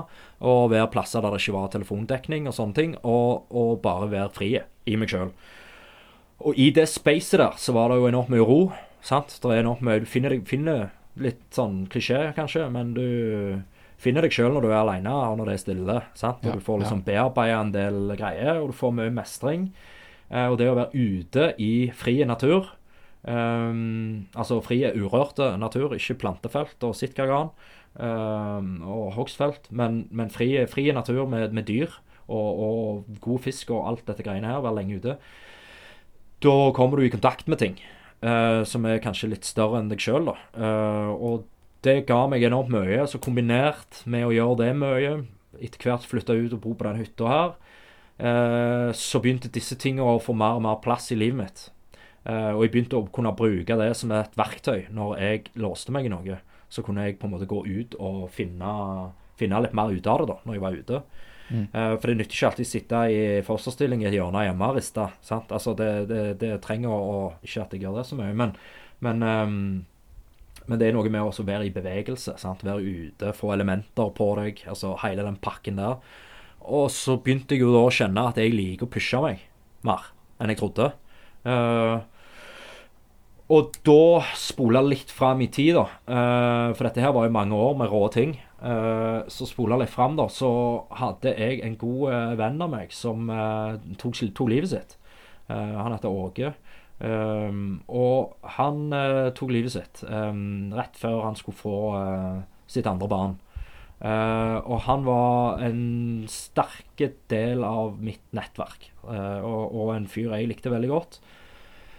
Jeg var Siden jeg jobber med folk i krise, og er mye med folk i krise, og ikke er sånn sett redd for folk i krise, eller å høre på folk som har vanskelige tanker, eller er deprimerte, eller har eh, selvmordstanker, eller har det er ikke så vanskelig for meg sånn sett å tappe inn på og det, og så kan jeg det òg ganske greit. Eller jeg har en del teknikker. Mm, eh, Men dette kom bare som en sånn bam, så kom det. Jeg skal ikke gå for mye i detalj, for jeg vil ikke utlevere for mye. Men jeg kan snakke om det med å gå inn i sorg. Sant? Å gå inn i sorg med ganske, være ganske åpen når du går inn i en sorgreaksjon.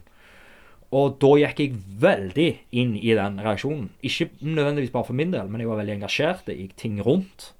Eh, og eh, Ja, jeg skulle bare I, selvmords... eh, ja, og folk og rundt. Sant? Familie og greiene. Ja, men, nei, men egentlig bare den situasjonen her. Sant? Ja, altså situasjonen situasjonen som skjedde. Så jeg kan egentlig bare ta For jeg, jeg tror det er litt sånn Det er mange som kjenner på lignende ting, da. Uh, og, og, og da er det sånn Jeg har jo sunget i dette bandet mitt i mange år, så jeg har jo sunget, men jeg synger jo med en distorta stemme. Sant? Jeg synger jo med, på en annen måte. Jeg har aldri sunget sunget skikkelig med lysestemme. Jeg har jo gjort det når jeg var alene, altså. men det har aldri vært en ting jeg har eksponert så ble det i hvert fall kom det frampå der at det, et band da som han spilte i, som er mine bestevenner, uh, flere av de, uh, skulle spille da i begravelse. Han spilte i det bandet, han òg. Skulle spille i begravelsen hans. Og så skulle de spille en sang som var litt vanskelig, Uh, på en måte, på vokal. Det, det var liksom Men jeg kjente med en gang at uh, jeg kan gjøre det. Sant? Så, så jeg sa ja til å være med på det. Mm. Eh, så jeg sang da i kirka med lys og stemme. Eh, en fin sang, på en måte. Uh, men det, og, det, var, det var power, det, og det gikk bra, og alt sånn. Men den reaksjonen jeg fikk der, den var så sterk etterkant at det rakna på en måte i hodet mitt etterpå. Jeg fikk jævlig angst og drit. Sant? Altså, jeg, jeg, jeg begynte, fikk, jeg begynte skalv. Jeg begynte å skjelve når jeg satte meg ned i kirka, men det var bare en fysisk reaksjon. Men når jeg kom hjem, så var det sånn Jeg har jo ikke kontroll på hodet mitt nå. Altså, jeg, nå, får jo en, nå får jo en spinnvidle reaksjon her. Altså, nå For jeg har pushet det for hardt. Sant? Jeg har på en måte gått for hardt inn i det. Jeg skulle kanskje ikke gjort det, sant? men jeg har ikke den begrensninga i hodet mitt. Den, den koblinga der er nødvendigvis ikke helt der. Uh, så jeg tar på meg av til ting som er litt for mye. Uh, og så ble jo dette da vanskelige ting. Men det så, og det hadde jo på en måte sitt forløp. Sorg har jo sitt forløp. Uh, og jeg vet jo hvordan jeg sånn sett skal komme meg ut av disse greiene her. Eh, teknikker på det og, og alt det. Og jeg, jeg søkte litt hjelp. Jeg gikk og snakket. Jeg har en rå fastlege som er psykiater. Han er helt konge. Shout-out til han. Uh, men, eh, men han òg ga meg en del tips, liksom, og, og jeg, eh, jeg klarte å se meg sjøl litt utenfra. Og, og da begynte jeg å springe. Uh, og jeg har alltid sprunget bitte litt. Men det har vært sånn tre kilometer i måneden, typ fem kilometer. Det har ikke vært mye. Men jeg har alltid syntes det var gøy å springe. Men jeg har aldri alltid gjort så mye annet at det har ikke fått så mye fokus. Men da fant jeg jo ut at det å springe, da, det var en helt sånn Det var en nice ting. Uh, men det som skjedde etter det, da, var at en av mine aller, aller aller beste kompiser, som jeg var òg min kollega, men en, som jeg har gått, en av de jeg har gått mest i fjellet med, eh, og en av mine aller beste venner, en av de som bygger meg mest opp, eh, og alltid heier, alltid er rå mann. ekstremt inspirerende fyr. Meg og han mm, gjorde var, Ja, vi var mye i fjellet sammen, og jobbet sammen. Eh, han har slitt med kreft i fem år. eh, av og på, blitt syk og blitt frisk. Eh, året før dette så hadde han fått ostemi, ostemi Hva det heter når du har utlagt et tarm? Så hadde han blitt frisk. Og så hadde han sagt at OK, Hallgeir. du skal være med meg opp på Hardangervidda. Jeg skal opp på Hårteigen. Du er den jeg vil ha med meg, fordi jeg vet at du blir ikke en begrensning. Sant? Jeg blir ikke en begrensning på det fysiske på å være med han opp. Eh, jeg vil pushe så hardt jeg klarer, og jeg vil ikke ha noen der som jeg er nødt til å vente på. Sant? Og da var det sånn Yes, jeg blir med på det. Gjør vi dette her, nail med den turen. Opp på Hårteigen. Jeg har et bilde der han rekker finger og står i bar overkropp oppe på toppen av Hårteigen. Største fjellet på Hardangervidda, by the way. Um, og står i bar overkropp i oktober der, og, og liksom med posene hengende på magen. Jævlig power. Vi kommer ned fra fjellet, bla, bla, bla, og han, han er liksom der at nå kan jeg begynne å leve igjen, liksom. Takk skal du ha for at du var med meg på denne her, um, denne her greia. Så da spoler vi fram igjen et år. Etter Åge døde, så fikk han kreften igjen. Uh, og det skjedde fort. Uh, så den spredde seg til skjelettet og til hjernen. Uh, så i løpet av Dette her var vel et par uker etter Åge døde, der han fikk Ja. på en måte den Og jeg, jeg var med han òg to ganger der han fikk kreften. Der han fikk beskjed av legen. Jeg så han i øynene en gang når han fikk telefon fra legen. Så, så hadde jeg øyekontakt med han der han fikk beskjed om at kreften er tilbake igjen. Men det med seg jeg var veldig involvert i hele pakken der. Uh, så når han da fikk beskjed om at kreften var tilbake, så uh, var det ganske heavy da, på tampen av han Åge, da, som nettopp hadde dødd. Så når Kim da, og jeg fulgte på en måte han den veien der, da, så tre dager før han døde, så sov og han i telt sammen i skauen. Uh, og han dro aldri hjem igjen etter det. Han dro på sykehuset etter det og døde. Uh, det var en veldig lavterskeltur, da. Uh, men han måtte jo bli leia inn i skogen. Vi måtte gjøre ting der. Han hadde med Ja. seg en, han god kompis med sykepleier som var medisinansvarlig og hele pakken. Da var han lam i fjeset og døv. Han hørte jo ingenting heller. Eh, og så døde han. Uh, og da på en måte bare gikk jeg inn i en eller annen greie da, som jeg ikke klarte å komme meg ut av. Uh, men i det så fant jeg løping. Enda mer. Og det å være i fjellet da, og springe I begynnelsen så var det sånn, når jeg begynte å, å, å springe oppoverbakker, så begynte, når du er slet, jævlig sliten mentalt, og egentlig ikke er i form heller, og græla sliten psykisk, så er det tungt med oppoverbakker. Men da hadde jeg bare et par turer der der det var tungt mentalt. Så begynte jeg å høre han. Jeg begynte liksom å bare se Tenk så jævla mye tyngre han hadde det. Tenk så jævla For han var sånn han, Med en gang han, han Når han var på Haukeland sykehus eh, og fikk operert inn de osteomiposene, så sier han ikke faen om du skal legge de ned på hofta. Legg de opp på magen, for jeg skal ha tursekk på. Ja. Det er jo ingen som tenker på å gå tur i fjellet med ostemipose. Jeg vet ikke om jeg, jeg kan være uttaler men han sånn, jo, legg de opp på magen. Så han fikk de jo midt opp på magen her. Så han kunne ha, for han hadde med seg sekken på sykehuset for å kunne legge posene sånn at du kan ha magebelte på. Og da når han er frisk, så sender han meg eh, bilder liksom fra den gamle Nokia til Han hadde aldri Vi kalte han bare for Vapp, eh, Vapp-Kim, for han hadde bare Vapp. Han hadde aldri internett. Så han eh, hadde Det er ingen sånn- han- kids nå som vet hva VAP er. Nei, men han hadde GSM og hele Han var den som hadde signal, faktisk, på, på fjellet. Ja. Men så han, han uh, sendte alltid bilder liksom rett etter han hadde vært fått cellegift og sånn som det, og liksom bare var oppe og fiska med Han var en fluefisker, da. Um, så gjorde det. Eh, Når vi var oppe og rant snowboard, så tok han kemoflip. Sant? Altså, det er ikke mange som tar backflip med, Chemoflip. med cellegift. Fotlig cellegift. Han var skalla uansett, da, men han hadde ikke øyenbryn, da, i hvert fall. Ja. Uh, skamsleden, alt det. Han var så hard, sant? Men han var òg græla mild. Og han pusha seg ikke på en destruktiv måte. Han Nei, ville bare nei. leve. Han, så har du på en måte han andre, da, som hadde det vondt på en annen måte og valgte å ikke leve. Og så har du han da som er nødt til å dø, som vil leve. Sant? Så blir det bare den, den, Det er helt sinnssykt å deale med, da. Uh, så det å miste han, det, det var jo helt jævlig. Uh, og ennå er jævlig. Uh, to år etterpå. Han døde i november for to år siden. Og han Det med oppoverbakkene, da. sant? Det der greiene der. Så begynte jeg å bare se Kim der. da, sant? Jeg begynte å se han ikke sånn rent fysisk, men, men eh, jeg begynte liksom å bare eh, Husk hvor faen du kommer fra, liksom. Er du med? Altså, Husk hvem andre som har vært her før deg. Slutt å klage. Er du med? Slutt faen å klage. Det er tungt i oppoverbakkene, men det blir bedre. Og etter hvert, da, så bare tålte beina mine mer og mer. Eh, og så begynner jeg liksom å Så begynner jeg å skjønne at dette her er terapi, liksom. Det er terapi å springe, springe i fjellet. Men da går jo jeg selvfølgelig på litt sånn Litt sånn der nybegynnersmeller der. Uh, med sånn leggsjafs og sånn som det, som alle sliter med. Men det er jo så lett å trene av seg, de der plantargreiene. Det er jo bare å gjøre litt tåhev, så er det som regel good to go. Uh, og litt sånn løpekne og litt sånn småting. Men det er jo fordi at det, når jeg springer i fjellet, så er det en, har vært en renselse. sant? Så ofte så på en måte holder du det rolig en del, men så øker du kanskje litt mye på det. sant? Og så går det litt fort. Så har jo ikke helt scenefester og sånne ting fått tilpassa seg, og så ble jo det litt um, Så hamrer du kanskje litt for hardt, og så kommer det litt småskader og alt sånn, men jeg har vært enormt dedikert på fjelløping da, de siste Ja. to åra. Uh, og da tenkte jeg sånn OK, fuck, jeg skal melde meg på Riska, Riska Trail Run. Eh, det er maraton, da. På, på Sandnes, i Sandnes. Ja. Eh, maraton 2500 høydemeter. Når du nettopp har begynt å springe, så er jo det sånn. Det er jo, det er jo Mount Everest, det. Sant? Jeg vet ikke om du husker liksom, hvordan det var når du begynte å springe i fjellet. Når jeg skulle tro, eh, løpe Tromsø Sky Race, det var første gangen da skulle jeg løpe den der eh, halve distansen, den som bare er opp og ned Tromsdalstind Tromsdalstinden fra, Ja. fra fjelleisen i ja, det, det var jo enormt også. Og da, da drev jeg og trente borte på, på e i Ekebergåsen oppe med Brannfjell. Det er liksom 100 høydemeter. ja, sant? Og trodde at jeg trente spesifikt. Ja. tok, tok masse knebøy, tenkte det kommer til å gå utover lårene.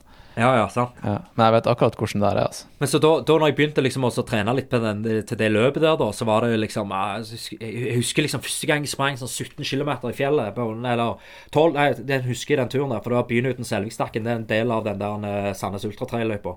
Som er megabrutale, by the way. Eh, og den, den, eh, det er i hvert fall den, den første der, da. Det var altså 12 km, husker jeg jo. Sånn eh, 800 høydemeter eller noe sånt. Så. Og jeg husker første gang jeg sprang den, så når jeg kom nærmere meg mm, tilbake til bilen, så var jeg sånn At det gjør så jævlig vondt nå. Det er så stivt i korsryggen. Så, jeg, så husker jeg jeg tenkte på folk som springer langt. Så tenkte sånn Det å ønske å utsette deg sjøl for den type smerte, det er jo, det er jo så sadistisk som du kan gjøre. sant? Men så etter hvert, når du begynner å springe, så det forsvinner jo. Altså, du trener jo. Du får jo en toleranse. sant? Altså, muskulaturen tåler det jo. Så etter hvert så på en måte bare tålte jeg mer og mer, eh, og ble gira på det. Eh, og så ble jo Riska Traileren avlyst. Eh, to år. På grunn av covid. Eh, eller, nei, ja. eh, og og, eh, og så begynte jeg å leke liksom, med tanker på å springe ultra. da, Droppe å ha maraton som første distanse, men bare drille på med en ultra. Eh, og så husker jeg at jeg hadde hatt litt skade og sånne ting. Uh, så jeg tenkte at jeg må begynne altså å springe med noen så jeg kan nerde litt mer med. Jeg har mange kompiser som springer i fjellet, men jeg vil springe med noen som bare gjør dette her mye. Sånn at jeg kan nerde litt mer. Så det begynte med Dale fjelløpere. Ja, ja. Shout-out til de. Uh, Shout-out til Jim. Ja, Jim Amdal. Han, eh, så husker jeg en gang at jeg, jeg sprang bak han. Eh, og sprang og, så, og, og drøste med han, og så, og så sier liksom For vi, vi snakker jo godt om ting. Eh, og så sier jeg Ja, men meld deg på Sandnes Ultratrail, da. Det går fint. ja, ja, ja. Altså, ja, men hvor langt er det egentlig? Nei, åtte mil. Ja, ja, sier jeg. Åtte mil? Faen. Jeg har ikke sprunget mer enn eh, 38 km i fjellet før, liksom. Det Eller et eller annet hva jeg hadde sprunget da. Jeg vet ikke. Eh, jeg tror ikke jeg hadde sprunget så mye engang. Sikkert tre- tre- 30, kanskje. Eh, og så, ja, men det går fint. Jeg hadde ikke sprunget mer enn en halvmaraton første gang jeg sprang eh, 50 miles. Jeg må bare ha et par av de i forkant, altså. liksom. Så bare OK. Ja, ja, hvis du sier det, altså. Så når jeg kom hjem, da, så meldte jeg meg bare på. Uh, og så husker jeg at jeg uh, sa, Faen, hvordan skal jeg trene til dette her, da? Uh, for da hadde jeg jo allerede kicka i gang at jeg var skamstorka på fjelløping. Og nerda maks. Hørte på deg hele tida. Ja. Ja, ja, ja, ja. Så du må jo ha mer òg sånne som dette her, podkaster med sånn intermediate folk som meg, som bare liker å frese, litt. sant? Ja, det her er min favoritt, da. Ja, for det, for, for, ja, for, for, det er sant, så har, jo, har du jo hatt Didrik Hermansen og disse her. sant, Jeg kjenner jo Ja. til litt folk nå. Eh, og det er sånn ah, De er jo helt savage. sant, og så, Hvordan faen går det an å springe de der løpene? Sånn Seksertempo, fem og en halv tempo. Sånn, hvordan i helvete? Men så begynner jeg å nerde litt, og så ser jeg sånn Hvordan kan jeg rippe et treningsopplegg uten å betale for det her nå? Sant, til noen. Ja. Ok, så bare nerda jeg hardt, og så fant jeg på Facebook en gruppe til det der snille eh, Nå skal jeg ikke si det er jævla snilt, for dette, det er ikke det. Men Ecotrail. Det er jo Ja, snilt ja, terreng, ja. terrengmessig. Ja, Så er det jo snilt. sant? Veldig. Så var det, tre, var det et treningsopplegg der. Så han hadde skrevet. Som han Didrik har laga. Så han har Ja, laga. Så det en det sånn ligger tre PDF-er der, ikke sant? Yes, de har jeg tatt. Ja. de, de, de tok jeg. Så det var treningsopplegget mitt. Ja. Uh, I tillegg til masse annet, da. Uh, så jeg har ikke fulgt det slavisk. Men jeg har brukt oppskrifter litt. Ja. Og Ja. han bruker minutter istedenfor uh, distanse. For jeg lå jo sammenlignet meg med kompisene mine som holdt på å springe flatt. Jeg? Og det sånn, hva, hva er det som gjør at jeg ikke klarer å holde syv mil i uka? Liksom, fordi at jeg har gjerne 4000 høydemeter, eller 3000 høydemeter. Ja. Og det er for mye for meg i det, min muskulatur, hva den tåler. Og ikke minst Nå kan vi jo begynne å nerde litt. Uh, og ikke minst med tanke på forbrenning. For Mm. metabolismen må jo forandre seg, og det tar jo et års tid. Sant? Eller det tar jo en stund før den lang, begynner lang å ja, og jeg kjente det fysisk på kroppen min. Eh, for at jeg, jeg har nok trødd over, over streken litt ma for mange ganger uten at jeg har visst det. Sant? Med at jeg har vært eh, der i begynnelsen når kanskje 1000 høydemeter på én mil er eh, Det er litt for mye for min eh, Jeg sprang det litt for intenst, da. Der, Ja, jeg ble ikke så veldig sliten, kanskje, men når jeg kom hjem, så hadde jeg lødd i meg masse mat rett på parkeringsplassen der, og tok, all, tok alle de der greiene jeg skal spise. Fått i meg eh, for, for sukker og ting og tang som jeg trenger. Drukket Tailwind underveis, og faen Tok elektrolytter og hele pakken, liksom. sant? For at jeg vil liksom bare bli vant med dette her. Ja, ja. Men når jeg kommer hjem da og skal hente ungene i barnehagen, f.eks., så går jeg rett i kjelleren. Sånn i hodet. Så jeg går rett i kjelleren. Sånn ble jeg deprimer, instant deprimerte. Ikke pga. ungene, eller for jeg måtte hente unge men jeg klarer ikke å omsette energien. Og det fant jo ikke jeg ut før det gikk en stund. Så jeg tenkte jeg må bare gjøre det her mange ganger. Og så gjorde jeg det. Gjorde det mange ganger. Uh, og så ble det bedre av seg sjøl. Det ble bedre. Ja. Ja. men det er jo ingen som forteller disse tinga her.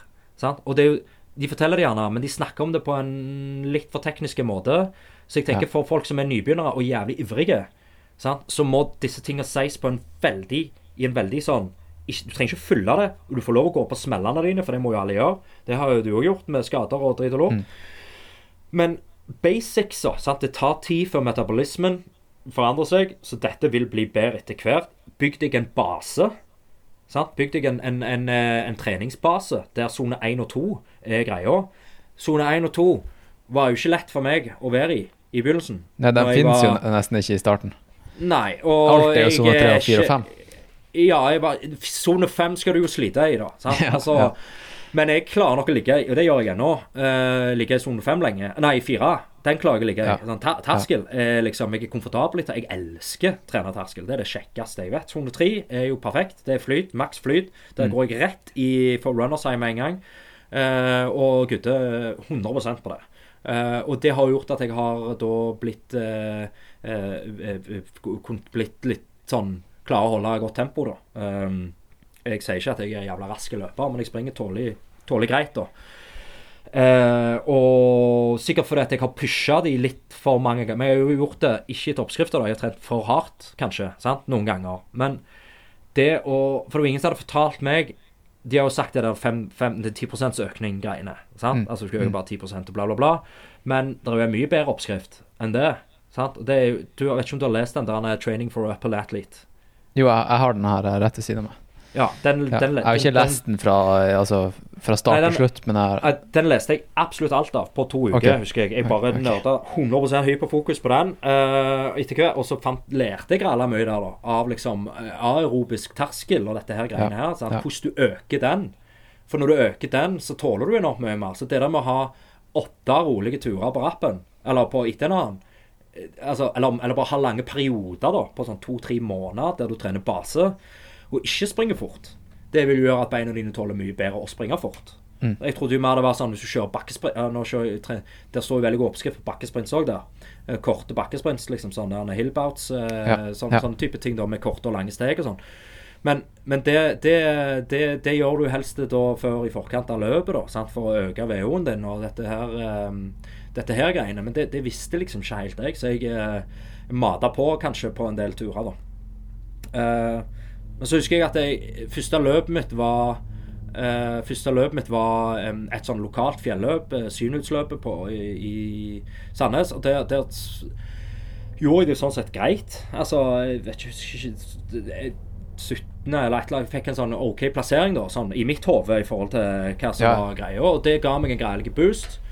Eh, og så var det sånn ah, OK, kult. Kanskje det er noe. Kanskje beina mine liker, liker dette her. sant? Kroppen min liker å springe tekni helst teknisk, da. Teknisk Ja.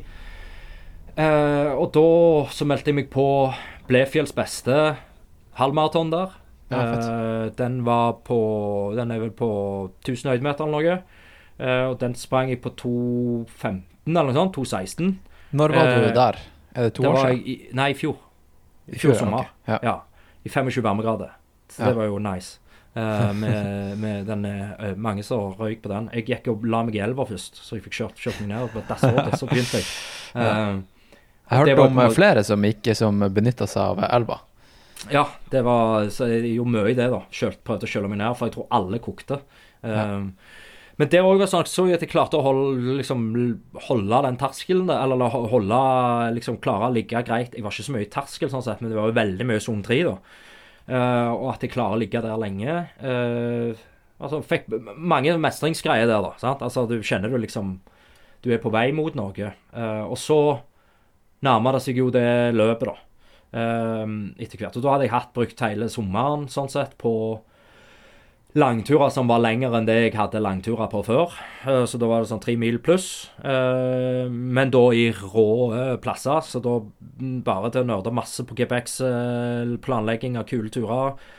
Fikk med meg en uh, god mann som heter Ovar. Uh, Shout-out. Ja, shout-out til Ovar. Han, han digger, jo, digger jo den type greier der det ikke trenger å være snille Det trenger ikke være stier, alltid. Der du bare legger opp plasser du har lyst til å være, da. Altså at du har lyst til å ta den runden. sant? Altså, men jeg har jo òg likt veldig godt å ta de turene alene. Uh, og hadde en del av de, langturer. Uh, hadde òg en på 45, 46. Så da, det gikk, alt dette gikk greit. Uh, og så ble det jo da Sandnes Ultra ble jo dobbelt av det, da. Men da hadde jeg aldri sprunget mer enn 45 før Sandnes Ultra. Men da hadde jeg Da var vi en god gjeng eh, som hadde planlagt litt å ta det sammen. Men, eller meg og Ovar hadde i hovedsak planlagt og og han har sprunget en del lange løp før. Altså 100 km løp og, og sånne ting. Hadde erfaring. Eh, han har òg et dieseltempo som er, ganske godt. Som jeg har vært nødt til å, å, å lære meg litt bedre. Eh, litt roligere tempo. Men han er seig som faen. Um, og holdt Trena litt på det tempoet der. Sånn type 9,5 tempo-greier. Um, i over tid, da, som gjennomsnitt. sant? Altså at det er 9-10 tempo når du er ferdig på turen, så har du på en måte Og da har du ikke rusha noe. sant? Da har du tatt det rolig, du har holdt pulsen nede, du har hele Altså ni, ni minutter på kilometeren.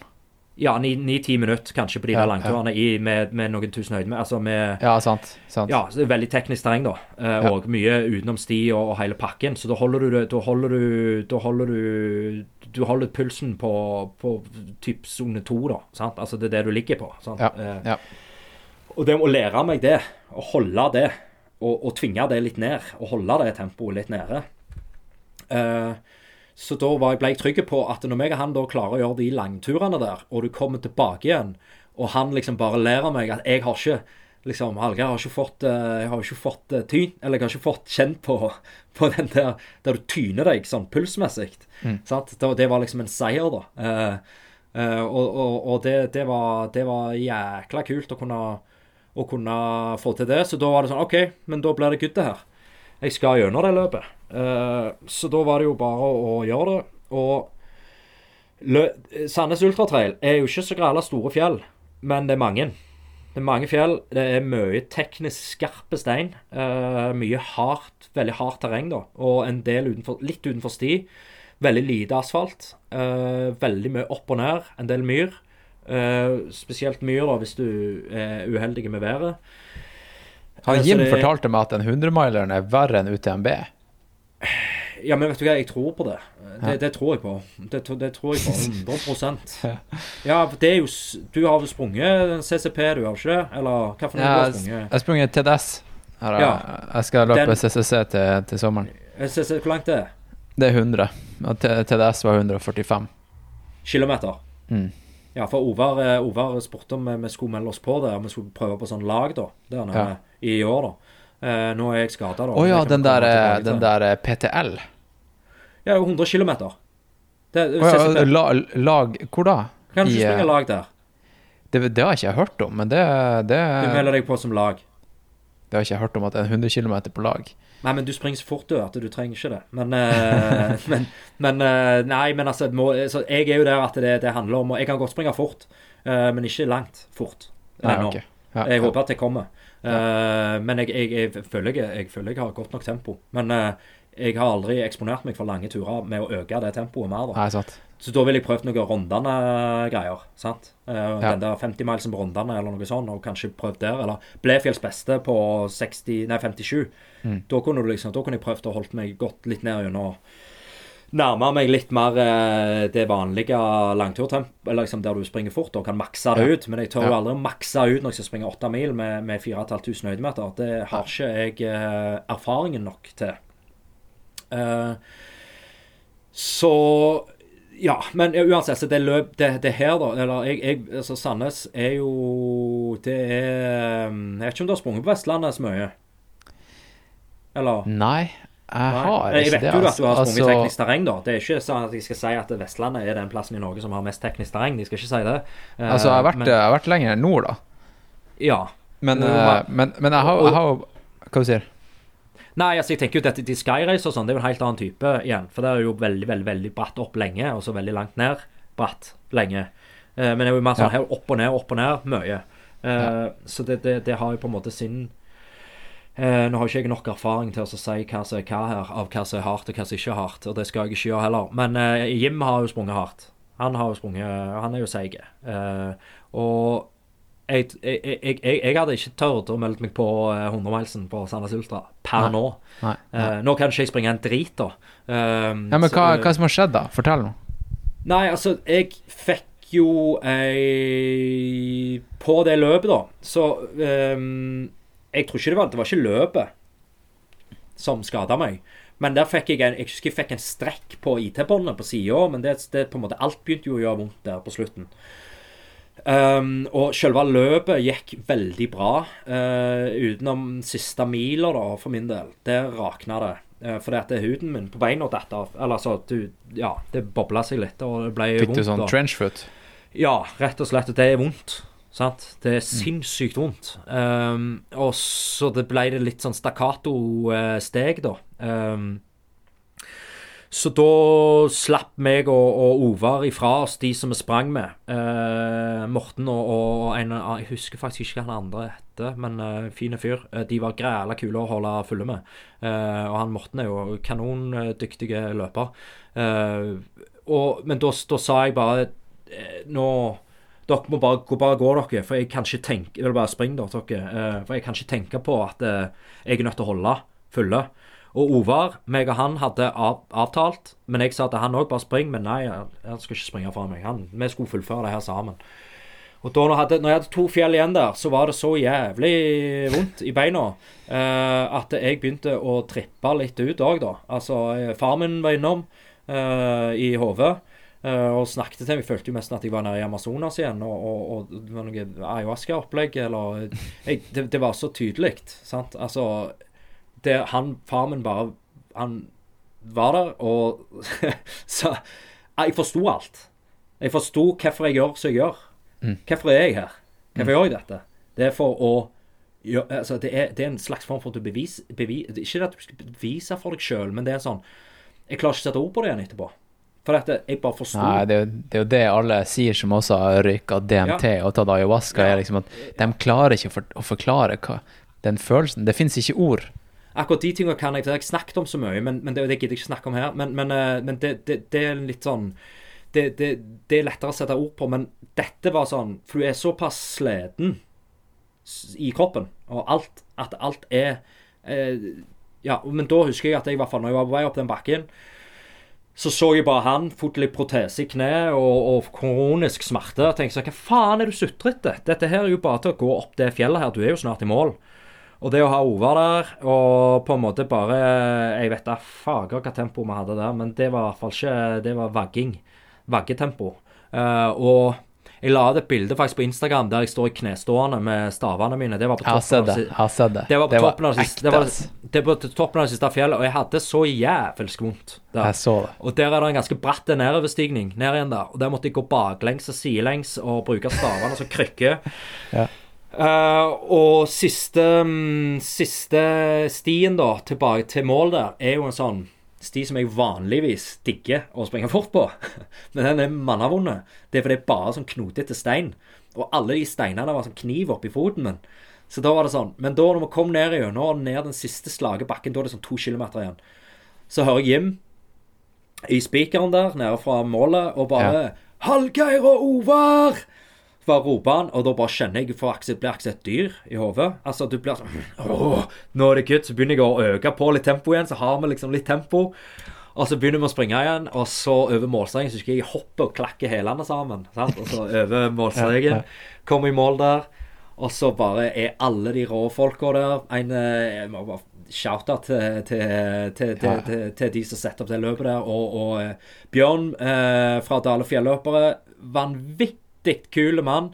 Eh, gode løper. Og bare se han der, og se liksom et par kompiser av meg som var der. Eh, Dama mi hadde vært på den forrige sjekk sjekkstasjonen der. Eh, og bare Og Jim og alle sammen. Og det å bare flekke meg sokkene der, og få Der noen sier 'oi'.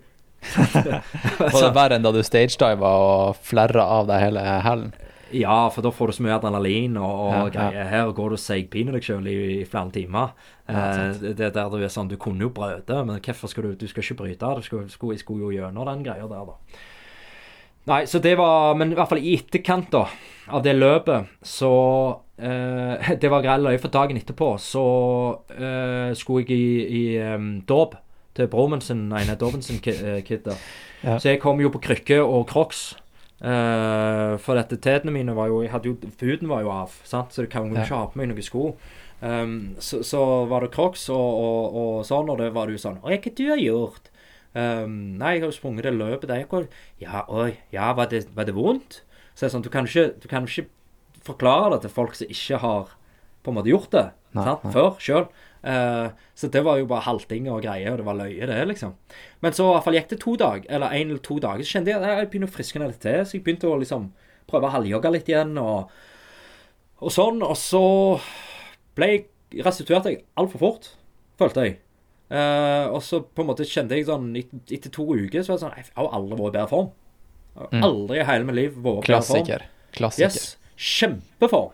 Ja. Eh, oppover, nedover, alt. Og jeg elsker å springe fort nedover, teknisk. Um, jeg har en teori der på For jeg har skata og stått mye på snowboard opp gjennom. Ja, ja. Jeg har stått mye på rullebrett. Og når du skater mye For det første så har du ikke leddbånd, eh, for jeg har røket leddbånd i anklene. Ja, sånn. jeg har det samme. Eh. Jeg har også skata ufattelig mye. Jeg tror jeg har brekt ankelen. Ja, men jeg tror at du blir god å springe teknisk eh, av å ha skata mye. Fordi at du beveger du, du, eh, Koordinasjonen på, på rista di er så god. Er du med? Du Ah, vet, pla Det har jeg ikke tenkt på før. Nei, øye, hånd, sant øye, øye, øye fotkoordinering. Eh, hvis Ja, har, har du skatet og rails og sånn òg? Altså, Ja, jeg gjør det. Du, ja. Og du er kjapp på beina. Du, hvis du da ta, skal ta, For folk som ikke vet hva det er, ta en boardslide og hoppe opp på en eh, hand, eller eh, hånd, eh, gelender og sklir med brettet ned og lander. Og det er gjerne ei fem, seks, syv trinns trapp, da. Og hvis du bommer i avsatsen der og tryner fram gjennom, så er du ganske kjapp på å lære deg hvordan du skal lande, og hvor du trekker beina til deg, og du ruller, og du har liksom Så er det merka jeg jo fra når jeg var ganske unge og hadde ganger der jeg prøvde å springe litt i skogen. Der kjente jeg sånn Oi, dette her går fort, liksom. Du klarer, så det er teknisk springe fort teknisk. Mm. Det tror jeg har òg en del med skating å gjøre. Eh, så- Ja, altså Du er trygg på at hvis det skjer noe, så har du så du refleksen til å hente deg inn. Du trykker på Ja. trynet. eh, det har du alltid vært fra, fra, fra liksom disse tinga her. Um, Så jeg ja, liker å springe nedover, da. Uh, Mm. Jeg liker å prøve, og av og til hvis du er i godlag, å prøve å ta den krona på den, det segmentet der, eller sånt, sånne ting. Det er gøy, da. Jeg syns Ja. det er skamgøy. Ja. Uh, og og jeg elsker å hamre beina hardt nedover. Så jeg, jeg, liksom sånn, jeg, jeg, jeg sprang Melderskin oppe i Rosendal nå i sommer. Ja. Uh, og uh, den er jo vel nærmere 1000 høydemeter i én go ned. Ja. Sant? Og det å prøve og da, prøvde vi litt på segmentet ned der.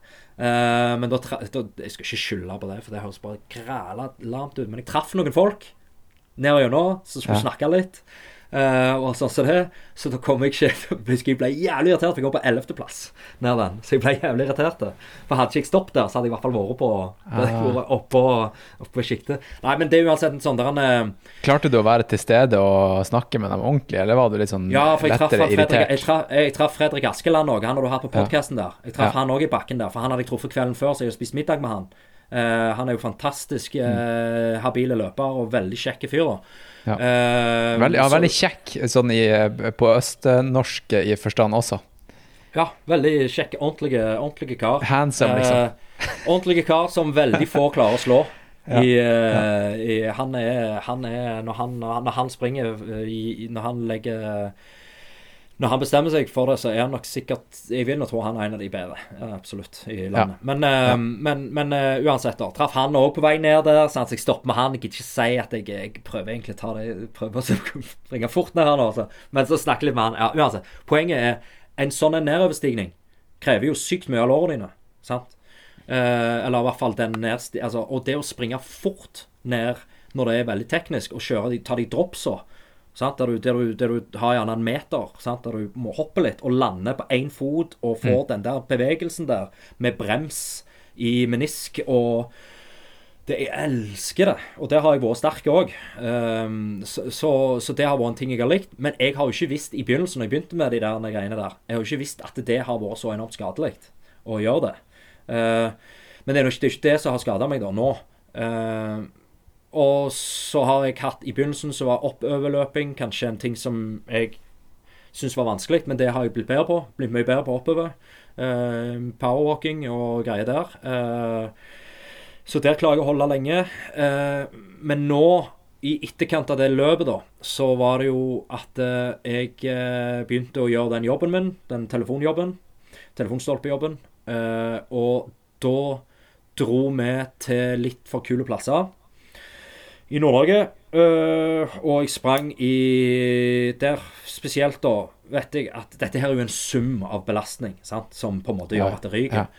Men der var jeg først i Bardufoss, og så var jeg i Kautokeino. Uh, og så var jeg i La inn en fridag i uh, Stabbursdalen nasjonalpark.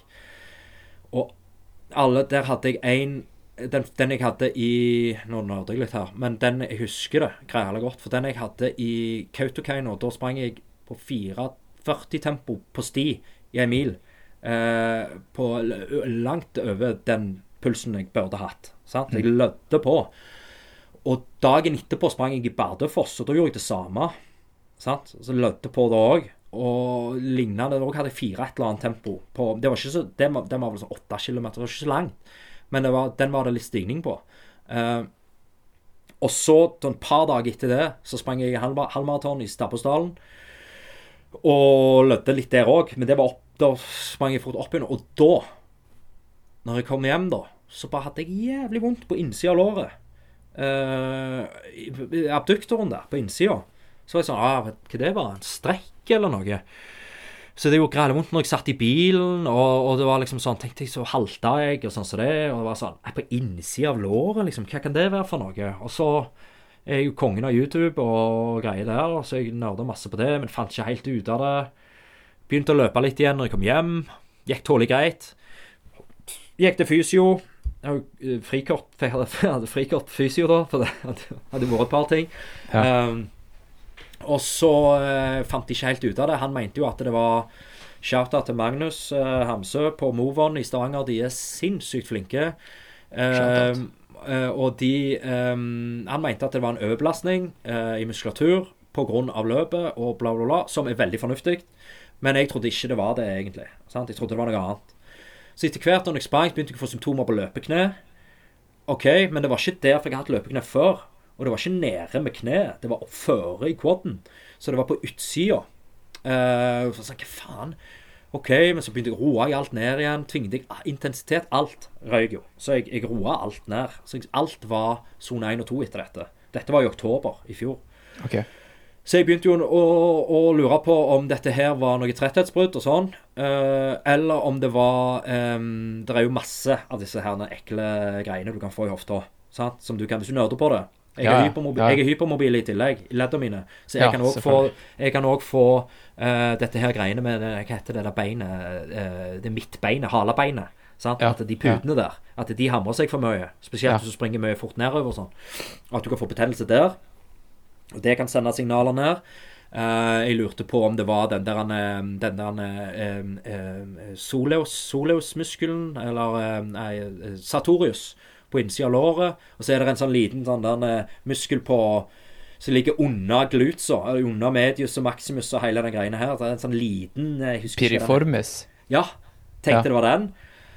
Eh, så jeg har jo kjørt så er sinnssykt med rehab-øvelser på eh, Og blitt, igjen tilbake til deg, gralla motiverte på disse her når du har snakket om skader og greier. Og s- og liksom bare hei, gått på ellipse og alt. Men alt gjør det bare verre. Alt gjorde det verre. Absolutt, absolutt alt. Oppover alt. Alt. Summing og surf er det eneste som har funka.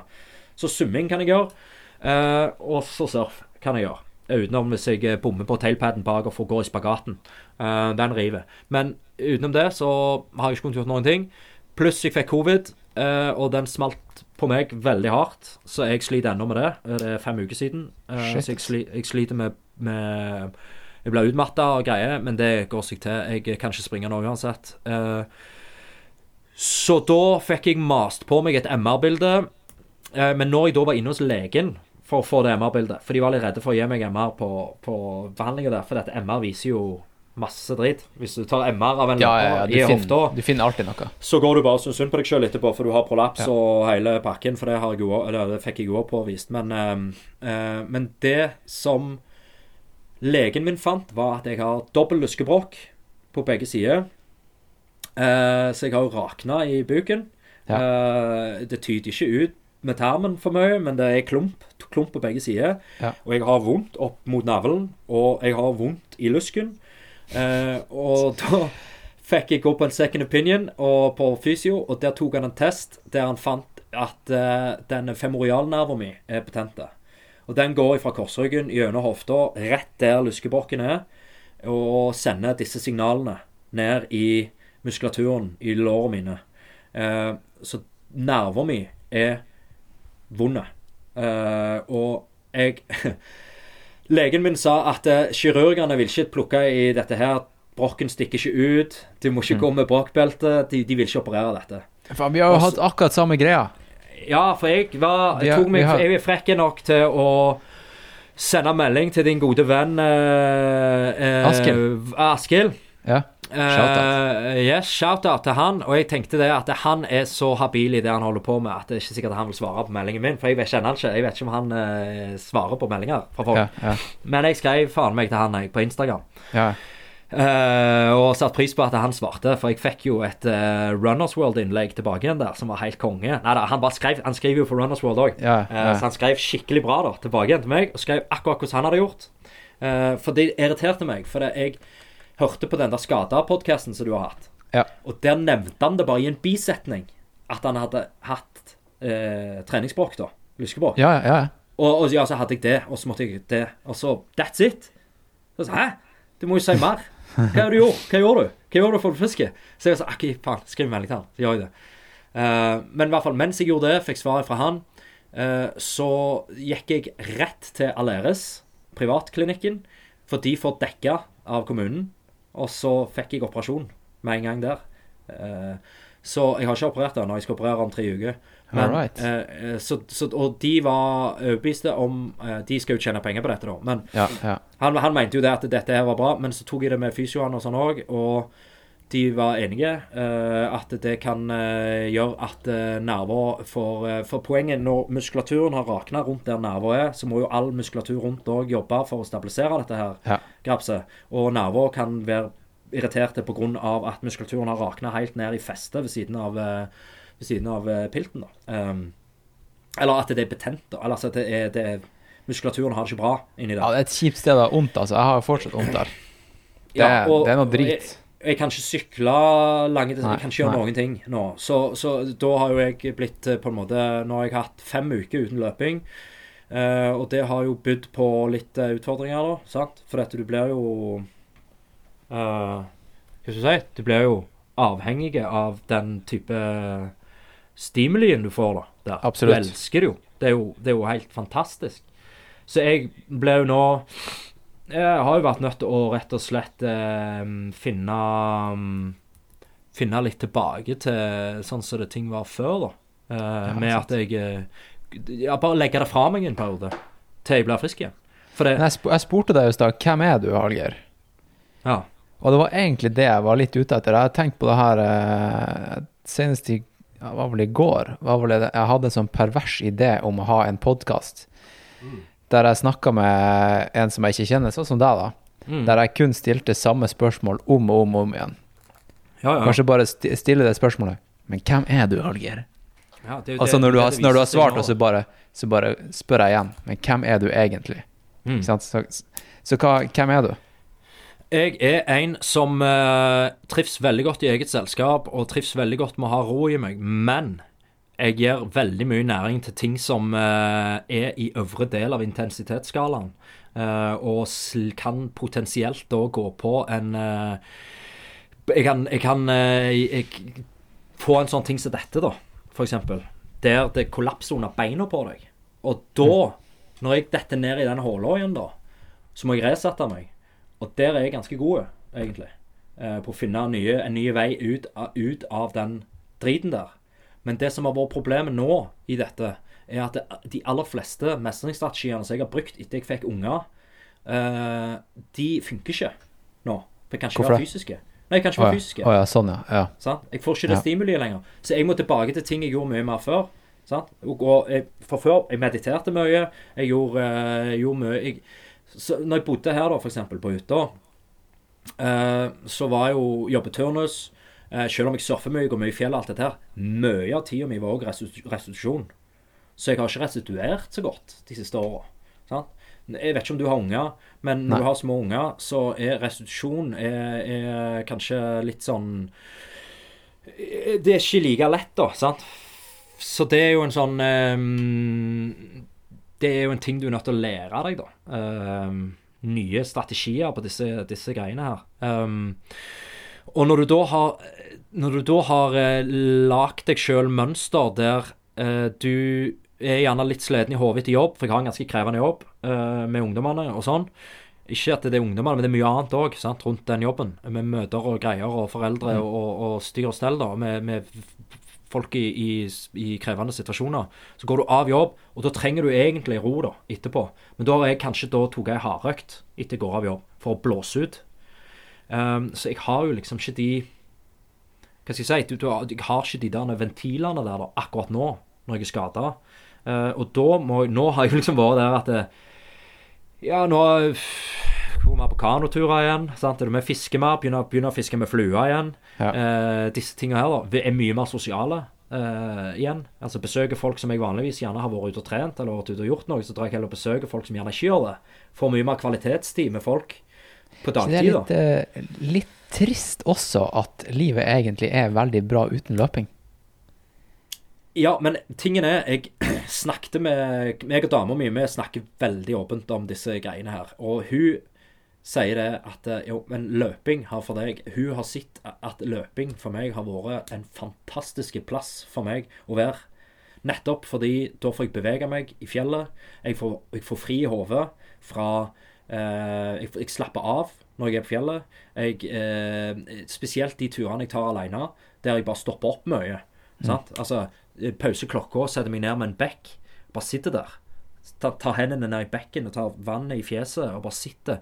For dette, det kjenner du jo til når du har hatt en lang bakke og kommer på toppen der. Hvis du bare stopper da, og ikke stopper for du er sliten, men du bare stopper, så er du i en sinnssyk tilstedeværelse. Som er For det er jo så mye dopamin og greier som foregår. Det jo cocktail i hodet ditt av godstoff. Så når du da sitter, setter deg ned, så har du en sånn klarhet, mens pulsen egentlig er ganske god ennå. Ja, du, du, kan, du, kan, du hører pulsen oppi øret ditt. Hører pulsen, så hører du fuglene, så hører du lyder, så ser Ja. du ut i myra, og så tenker du sånn «Nei, Jeg dropper stien, jeg tar myra heller. Så bare går du ut i myra, så begynner du Eh, Den ene sangen jeg sendte deg, den ene nye sangen vår, heter jo Myra, faktisk. Um, oh, ja, det, det var faktisk norske Ja, OK. ja. Ja. Uh, og handler jo om det. Om å springe i handler ikke om å springe i ei myr, men han handler om For myr, myr, myrløping er jo ei egen greie. Du må jo ha et eget steg når du skal springe i myra. Ja. Du må ikke, dra til deg foten for fort. I Trøndelag vet de alt om det. Ja, eh, og de gamle langrennsløperne de, de trente jo myr, Ja. myrløping om, eh, om sommeren. Uh, så du må bli venn med myra. Uh, og, og det Du, bare å- av, avsporing. Han Tor Ja. Gotaas sa jo det at at det, den der myten om at de sprang mye i myr i gamle dager, skiløperne Ja, det er sant det, men i Trøndelag så er myra faktisk ganske nice å springe i. Ja, På Vestlandet er han jo ikke så jævla nice å springe. Nei, ikke sant, Men, eh, men du, må opp- bli, du må bli Du må Ja. bli glad igjen. Ja. Det er vel det som er hele greia. Ja, nei, men fortsett. fortsett. Ja, ja, nei, nei, nei det, uansett, det handler om den tilstedeværelsen der, da. Og det handler om å uh, faktisk kjenne at kroppen din blir i bedre og bedre form. Uh, du tåler mer. Du tåler mer på jobb nå. Du tåler Du tåler mer i alt du gjør. Eh, du trener hodet mentalt. Eh, du trener på å holde ut. Du trener på å ikke ta en uh, omvei. Uh, eller, ja, ikke omvei, men snarvei. Eh, du tåler å ta en omvei. Det er vel det jeg mener. Mm. Eh, du tåler at det kommer et fjell etterpå, uh, og du holder ut lenger. Um, kropp, ja, kroppen og hodet, psyken, alt tåler mer. Pluss du har en sånn plass der du er helt fri. Eh, og det er um, nydelig. Og det har jeg hatt veldig mange andre plasser i livet òg. Men det som jeg kjente etter jeg fikk unger, var at f.eks. surf eh, eller snowboard eller ting som jeg fremdeles gjør mye, det krever mye mer dødtid etterpå. Eller Mm. før. Mm. Så skal du surfe, f.eks., så for det første så må du vite hvor bølgene er. Du må kunne ha værvarselet. Du må kunne slenge deg rundt når bølgene faktisk er der, og vinden er riktig. Det er mange elementer her som spiller inn. Og det er sjanse for at du setter av tre timer av den frien du har, til å dra ut, for, eller fire timer, for å dra ut og surfe. Og så er det så er det ikke bra. Så må du reise hjem igjen. Og når du kommer hjem igjen, da, så har du ikke tid til å gjøre noe annet. Men når du kan gå og løpe, så får du det uansett. Det er penger i banken hver eneste ja, gang og Ja, ja. Hver Selv om det er dritvær. så da, kan jeg, da har det faktisk vært sånn, rett etter jeg fikk unger, så var det sånn at jeg valgte vekk surf. Selv om det har vært en ting jeg har identifisert meg med mye, Mm. så valgte jeg det vekk for å stikke og springe. Uh, uansett hva vær det er, så kjenner jeg at det å springe i Jo mer drit det er, jo mer får jeg mesten ut av det. Du får masse bliss, og- får masse bliss og gode følelser når det er fint vær og tørre stier. Men da legger jeg liksom kanskje noe i å springe i dritforhold. Sant? Slaps og sludd og våt myr og is og piggsko. Og, og, og det for meg representerte turen, da. Det, det var liksom Så kan jeg gjerne kalle han det på Strava. Sant? Is og piggsko, eller frossen myr og pigg, Ja, eller et eller annet sånt. da For det, det er sånn, for på den turen så har det gjerne vært Si du har sprunget der det er minus fem, og myra er frossen, og det er helt vindstille og fint, og det er stjerneklart, og du har lykt. Når du da stopper opp, så den stillheten du får der, sant? og denne greia der, det er sånn du ja, du, det, jeg bare, det er få plasser jeg opplever det. Uh, jeg har jo kjent en helt sinnssyk tilstedeværelse på veldig høye fjell òg. Altså med mer sånn Tinder og sånn. Nå er ikke jeg en klatrer, men jeg har eksponert meg mer for høye fjell i år. Uh, og jeg vil gjøre det mer, så jeg vil lære å klatre mer. Springe med, eh, gjerne springe med lett utstyr, altså tau og greier, og lære disse tingene litt bedre. Mer sånn skyrunning-greier, da. Um, meg og en kompis eh, Det var egentlig jeg skulle gjøre det alene, men han, har, han er veldig god venn av meg, Torjo. Torgeir. Eh, han klarte ikke å la være å, være, eh, å komme opp når han hørte at jeg hadde reist opp til Rosendal. Eh, Rosendal er noe ganske kvasse fjell på Vestlandet. Ja. Eh, for jeg, skulle, jeg hadde græla lyst til å ta den Bjørndalstraversen, som er en sånn kule travers der oppe, da. Den har jeg hørt eh, mye om. Ja, den vil jeg løpe, da. Eller løpe en god runde rundt der, da. Og så ville han være med. OK, så da tok jeg Melderskin første dagen, og så venta jeg på han, og så hadde jeg lagd ei kul fil der på klokka og sånn.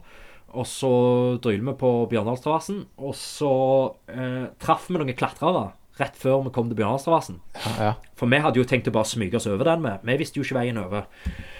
Eh, og så traff vi de, og de var græla hypp på å dra med, gå over der med oss, og de hadde tau. Eh, Vi hadde ikke trengt tau der, men, eh, men det, var, det var en kul opplevelse.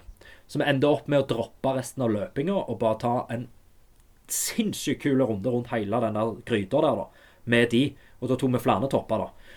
Eh, og så tok vi Melderskin igjen på slutten. Eh, men det var Den tilstedeværelsen jeg hadde der, det var det vindstille og 25 grader. Å stå på toppen av de der toppene der, de eggene der, eh, og være helt rolige. Og kjenne at eh, dette var jo ikke stress. Altså, jeg ble ikke Jeg bada ikke på høydene her. Altså, det var sånn Jeg bare kjente at det var en plass som jeg har lyst Sånne ting vil jeg oppsøke mer. Uh, og selvfølgelig blir sånne ting stress. Det er ikke det. Uh, eller at du kan kjenne på at, du kan bli redd, eller ja, mange sånne ting der. Eh, men hvis du gjør det innenfor en viss form for um, rekkevidde eh, i forhold til kapasiteten din og sånn ja, og risikomargin. og ris risiko, eh, risikoanalysen der og, og hele pakken, og kanskje gjør det med noen som er bedre enn deg, Ja. eh, eller kan det bedre enn deg, da elsker jeg, jeg elsker å gjøre ting med folk som er bedre enn meg. Det er så rått, for du lærer så mye. Ja. Eh, og det, sånne ting vil jeg gjøre mer av. da. Mm. Er det ikke deilig å henge med folk som kan faget? Det var sikkert, Ja, eh, når du var liten, vært med en eller annen gitarist som bare virkelig kunne det. Ja, ja. Eller bare få lov å spille med et band som var sinnssykt mye råere enn deg. Ja, ikke sant? Og så når de i tillegg sier at ser på deg, da, en unge kid eller en dedikert mann, eller whatever, så blir de gira på at du er der, så går det helt greit å ta fulle med deg. Sant? Altså, mange ganger. Har du hatt noen sånne mentorer, eller? Ja. Jeg har hatt mange av de. Ja. Eh, både, både musikalsk og i mange fronter på, i livet generelt. da. I løping òg. Eh, folk som du snakker med, sant? så du på en måte Men det er digitalt òg. Altså folk du ser opp til. Folk som du ja, hører på. Eh, ser på hva de gjør. Eh, hører på hva de sier. Eh, men veldig mye på privaten, da. Med folk som jeg vet ikke, Livet er stort, da. Eh, og du trenger å ha en balanse. Og for å ha en balanse når du da kanskje liker å oppsøke intense, ting, så skal du òg ha en balanse andre veien. Eh, så det å f.eks. For, for meg, da, å ha Det er en ting jeg skal plukke opp mer igjen nå, men jeg gikk mange år i ei sånn i ei gruppe, en sånn meditasjonsgruppe, eh, med Og det var græle likesinnede, kule folk. Gjerne ikke det du ser for deg i en meditasjonsgruppe, for det er ikke noe yoga eller noe greier. Det er stillesittende meditasjon Ja. eh, med en buddhistisk tilnærming, men med en sånn det, er enormt frie måter å snakke om disse tingene på. Der bare folk møtes for å sitte i ro. Eh, der òg er det en fyr som heter Pål, som leder den gruppa i Stavanger. Han er en sånn fyr. Sant? Som egentlig er en veldig lik fyr som meg, på mange måter. Og har masse ting han som på en måte er alternativt i, i livet hans, og hvordan han har valgt å leve, og hele den pakken der. Men sånne folk òg ble jo som en slags mentor. Sant? Altså, nødvendigvis ikke at du trenger å tro på det samme, men du ser hvordan de tilnærmer seg mange deler av livet. Sant? For jeg tror det med å ha, ha ro og intensitet samt, eller, i de to tingene der og hvis du, bare har, altså, hvis du bare har ro, så sitter du bare i ro. Men hvis du bare er intense, eller intense, hvis du bare oppsøker ting som gir deg en Det er ikke bærekraftig. Det funker ikke. Nei. Det funker ikke. Og jeg tror, altså Den skaden jeg fikk nå jeg tror, Ja, det kan godt være er- det er overbelastning, og alt sånt, så det, men det er jo òg tilfeldigheter som gjør at ting skjer. Eh, og, og får du dette her lyskebrokka-greiene og sånn så det, så handler det jo om en genetisk og ofte svakhet i Ja, ja. et område. Sant? Um, så det er sånn. Ja, men jeg tror dette her, for min del, så runder det litt opp en sånn erfaring som jeg er nødt til å, å ta meg, da. Med, med den, eh, den balansen der. Det tipper jeg du òg har sikkert kjent på. At løping har tatt overhånd, eller ting har tatt overhånd. Ja, det- ja, det har bikka flere ganger for meg på mange Ja. måter i livet. Ja. Men så er det rått òg, for du har gått for noe. sant? Ikke sant? Altså- Du kommer ut av det så jævlig mer erfaringsrik, da. Ja, og det, det tror jeg eh, Ja, det tror jeg er en ting som du blir græla sterkere da. Um, og jeg, jeg har mange, mange baller å spille på, jeg har mange bein å stå på. eh, men når det gjelder sånn løping og sånn, så blir det en sånn ting du elsker såpass mye at det er litt drit å få kappa beina av deg, da. Sant? Og ikke kunne gjøre det. Ja. Du mister på en måte litt den der eh, Men hva faen skal du se fram til, da? Sant? Altså, i dag, når jeg skulle dra hardt jeg, jeg, har ikke jeg, jeg eh, stiller egentlig ikke så ofte opp på sånne ting som dette, fordi jeg har ikke lyst til å eksponere meg så mye, eh, egentlig. Og jeg er liksom sånn type, Nå har jeg gjort ting med bandmessig og sånn, men dette er en annen ting. Sant? Dette er en annen, det er en annen ting vi snakker om her. Selv om du snakker litt om band og sånn. Men jeg tror eh, Ja, jeg, jeg kjente på en samme type stoke når jeg dro ut hardt, som jeg kjenner på at nå, skal jeg, nå, nå, skal jeg, når det er fint vær, nå skal jeg springe hardøkt i fjellet. Ja. Den, er du med? Den Ja, der ja, Du amper deg opp. Så du jeg er nervøsen. For jeg har jo ranta nå. Jeg vet ikke hvor lenge vi har snakka. Jeg vet ikke. Og, og, og, ja, men uh, det er nervøs. Skal du si noe teit, eller skal du liksom Hater jo å høre min egen stemme og alt det der, men, men um, det blir som det blir. Men nervøsitet, samtidig så du bare øh, jeg, jeg, jeg digger, jeg digger det du gjør. Ja. Jeg, digger det, jeg digger at du digger løping, og jeg digger at du digger det på den måten du gjør det. Sant? Og det virker som dere har en kul gjeng eh, med folk. Jeg husker jeg så den der eh, Besatt. Yes, jeg så den. Ja. Eh, og det var mye ting der som var kult. Men det virker som dere var en kul gjeng. Det husker jeg jeg reagerte på. Det var en kul gjeng, Og så hadde han ene en synkro, En Volkswagen Synkro. Firehjulstrekk Ja, eh, stemmer. T3. Tyler. Ja, jeg, òg ja, har hatt det. Ja. Uh, så min òg var jævlig pim rå. liksom Firehjulstrekk, svære dryller. Så jeg sendte jo han en melding jeg, for å spørre spør hva, hva slags Ja, du gjorde det, ja, han er. ja. Ja, for jeg, jeg har ikke noe skam på sånne ting. Um, og han svarte og var kul fyr. Uh, men da bare, bare sånn Pakken er kul. Sant? En kul pakke der. Ja. Det er ikke bare løping. Er en kul pakke. Og så er det rått å heie på en annen. Sant? Det er kult å si du skal trene deg opp til et løp, sant? og så er du en gjeng, da. Og så hjelper de deg med treninga, og så er det gjerne to stykker som skal gå for det løpet. Og så er det liksom Det er, jeg tror, for meg, da, er- det er greia jeg jobber med med ungdommene mye òg, det er å ha noe å se fram til. Sant? Ha et prosjekt. Jeg elsker å ha prosjekter. Sant? Jeg har mange hobbyer òg utenom så, eller ting jeg holder på med. Jeg gror mye eh, grønnsaker hjemme. Ja, fett. fett, jeg, jeg nerder jævlig på sånne hugelbeder, sånne med råtne trær og sånne ting. Ja, sant? Um, og det sånn, jeg kan holde på med det. Sant, Ja. og, sant? Skal du holde på med de tingene, holde på med det. Altså, liksom, det er kult når ting er helhetlig og litt større. Sant? Altså At du har en pakke da, som er kul. Ja, det, men det, det, det, er tid. det er det vi, eh, i hvert fall vi ultraløpere, da, bruker bruker race til. Og selvfølgelig også gateløpere. Men det Mm. er noe med det der å melde seg på et, eh, et langt og brutalt løp som du ikke vet om du klarer. Ja. Da er du virkelig på en tripp helt fram til du kommer til mål. Ja, og det, jeg hadde lyst nå i, i år, så var jo planen før dette her rakna, eh, dritet, så ville jeg springe eh, Hardangerjøkulen. Den er Ja. 100. Ja. eh, for å se om vi klarer 100. For den er ikke så, så hissig på høydemeter. Nei, Det er mye høydemeter. 3500, tror jeg. Eh, Ja, men fordelt på 100 km er for, jo fordelt på ingenting. 100, det er litt Ja ja, du skulle ikke si det er ingenting, men, Nei, eh, men det er jo- snilt da i forhold til andre 100 Det- km i Ja, og så er det jo, så er det jo Jeg vet ikke om du har vært på Hardangervidda og sånn, men eh, det er jo sånn som jeg har sett på bildene. Nå har jeg en kompis, en særdeles habil eh, løper, eh, Kalle, eh, sprang det i fjor. Eh, og jeg var dritstokker på at han gjorde det. Uh, og når jeg så bildene og sånn der, så ser du på stiene. sant? Stiene er jo sånn nydelige Jeg vet jo ikke hvordan det var hele løpet, men det er mye flyt, flytstier. Altså mye, mye stier som det fremdeles er moll, moll på. ikke Ja, bare den steinen Ja, som ligger unna. Ja. Ikke bare de røttene som ligger når det har gått 1000 mennesker der. Nei, nei. Um, så det er jo fine ting. Blefjell, sant. Det er jo en sånn Den kunne jeg tenkt meg å sprunge. Prøvd å sprunge litt fort. Uh, prøvd å hatt et sånn eh, litt eh, raskere tempo enn vanlig, på en måte, på en sånn langtur. Eh, og så er det jo all slags andre ting. Eh, nå var det jo òg et løp som jeg syns er skamdrit jeg ikke får springe. Det er, kommer nå snart. Det er Ramstoknuten opp. Det er de Aldri hørt om. Nei, det regner jeg med. Men eh, det er de samme folka som har hatt Lysfjorden inn. Ah, Eh, så nå har eh, sagt fra seg Lysfjorden inn, når noen andre har overtatt det. Eh, og så har de et veldig kort løp på 6 kilometer, rett opp og ned på et veldig bratt fjell som heter er fem- 570 høydemeter eller noe, rett opp og rett ned. Og det er en sånn ting jeg kunne ha elska, for da kan du bare mate alt på 100 uten å Og den downhillen der hadde jeg likt veldig godt. For den er, den er i overkant tekniske.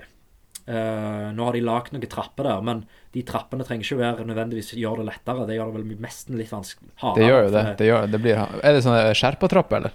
Nei, det er en uh, lokale kriger der oppe i Dirdal, da. Uh, som er, kan nordmenn lage trapper? Ja, ja, ja de, de, de, de vet, du hva, vet du hva? Det er sånn jeg, jeg, jeg tror uh, det er mange fjelløpere herifra som um, kommer fra gård uh, og har sanka sauer når de var unge. Mm. Så de har de beina fra, fra tidligere.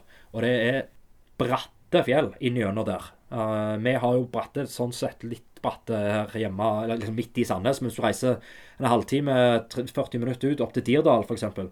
Der er det bratte fjell. Um, og så der, De løperne som er der oppe, er jo, er jo enormt teknisk dyktige og vanvittig sterke opp og ned. Uh, så det, de, det, det kunne vært et fantastisk kult løp å sprunge. Det kommer jo Altså, det kommer jo et, eh, en 2023-sesong også, vet du.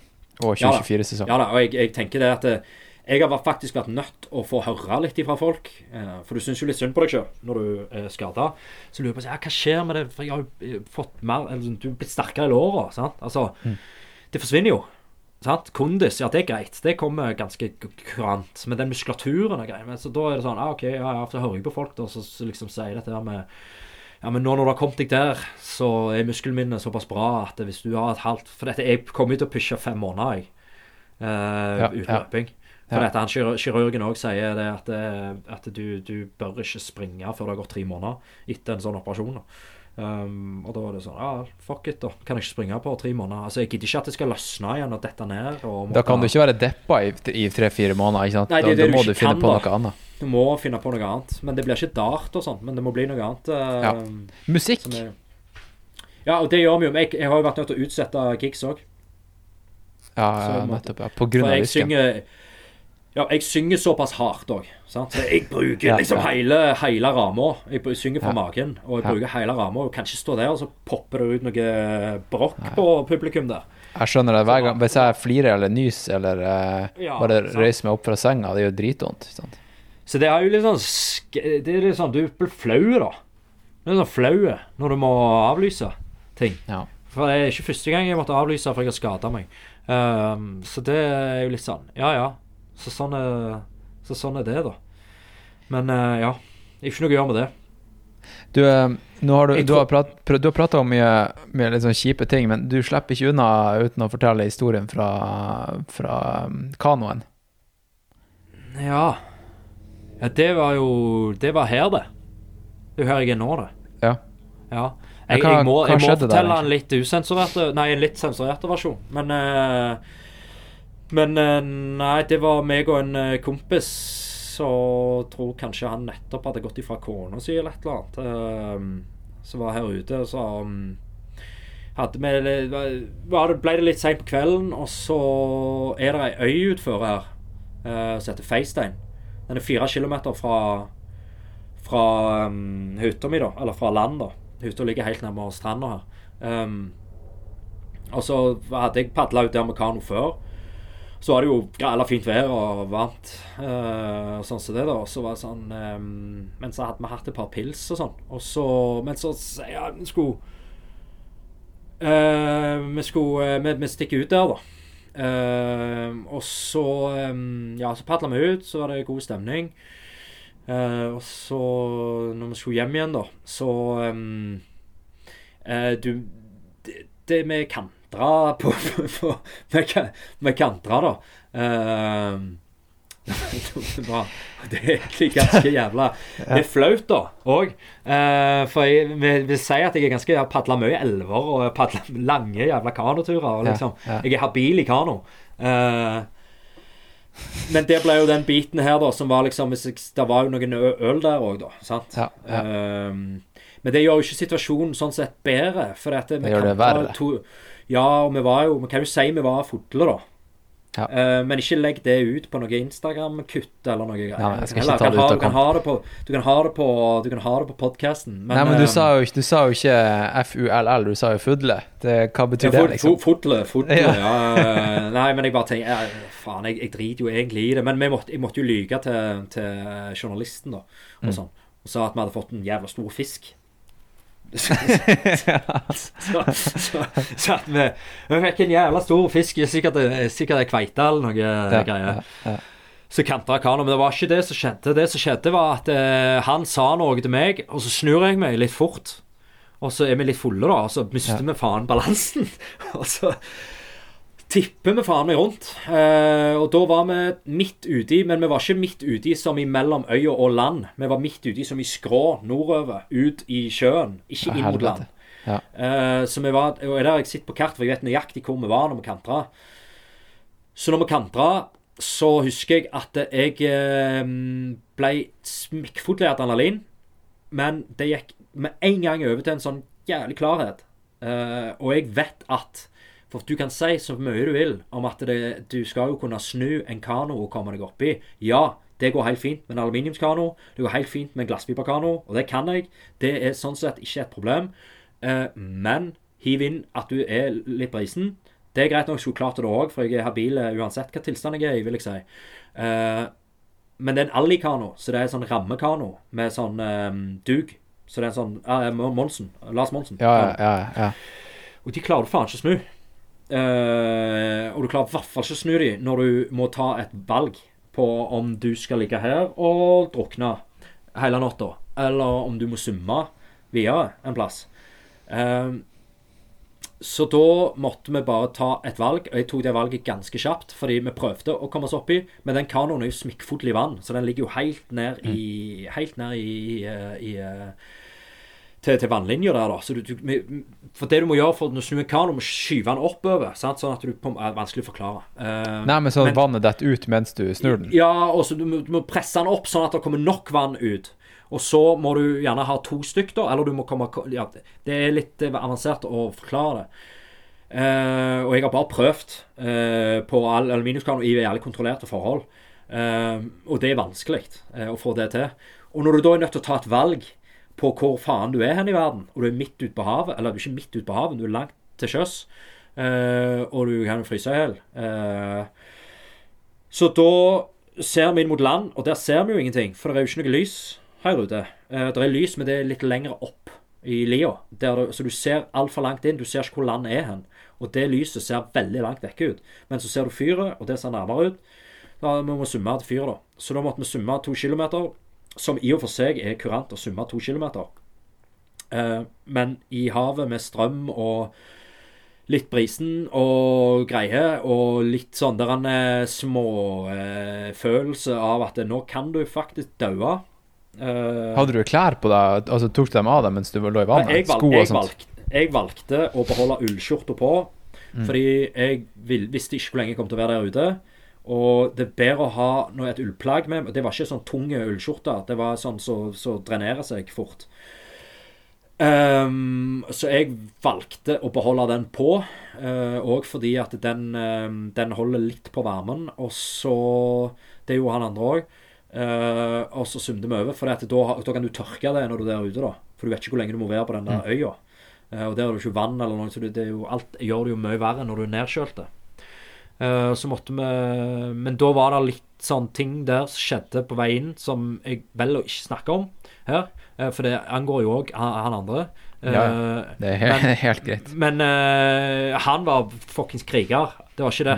Det, det, det, det var bare Det var, det var langt. Det, var ikke det at han Det var ikke det, Ingenting står på hans fysikk eller noen ting, eller viljestyrke eller noe. Det var bare Det var ganske krevende, da. Ja, ja. Eh, eh, og og mm, jeg, jeg- mista litt han da på vei inn.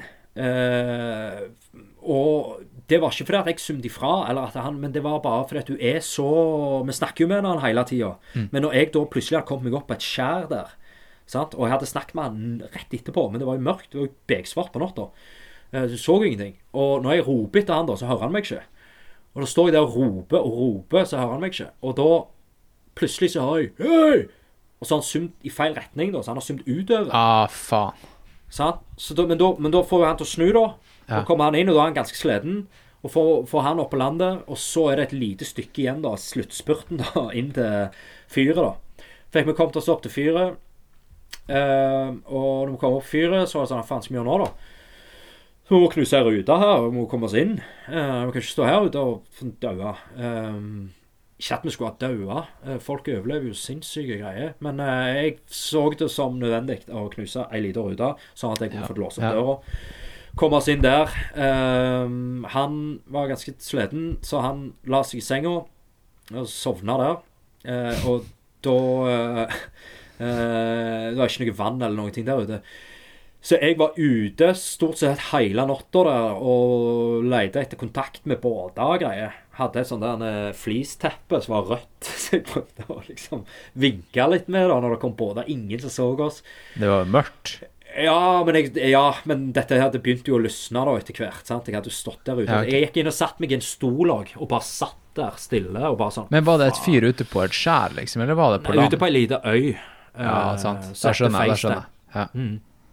Eh, men da kom det noen båter forbi, uh, og da klarte jeg å gå i den retningen der vinden av min plystring treffer den retningen som båten er i. Og da hørte de meg. Ja. Uh, så da kom det en seilbåt.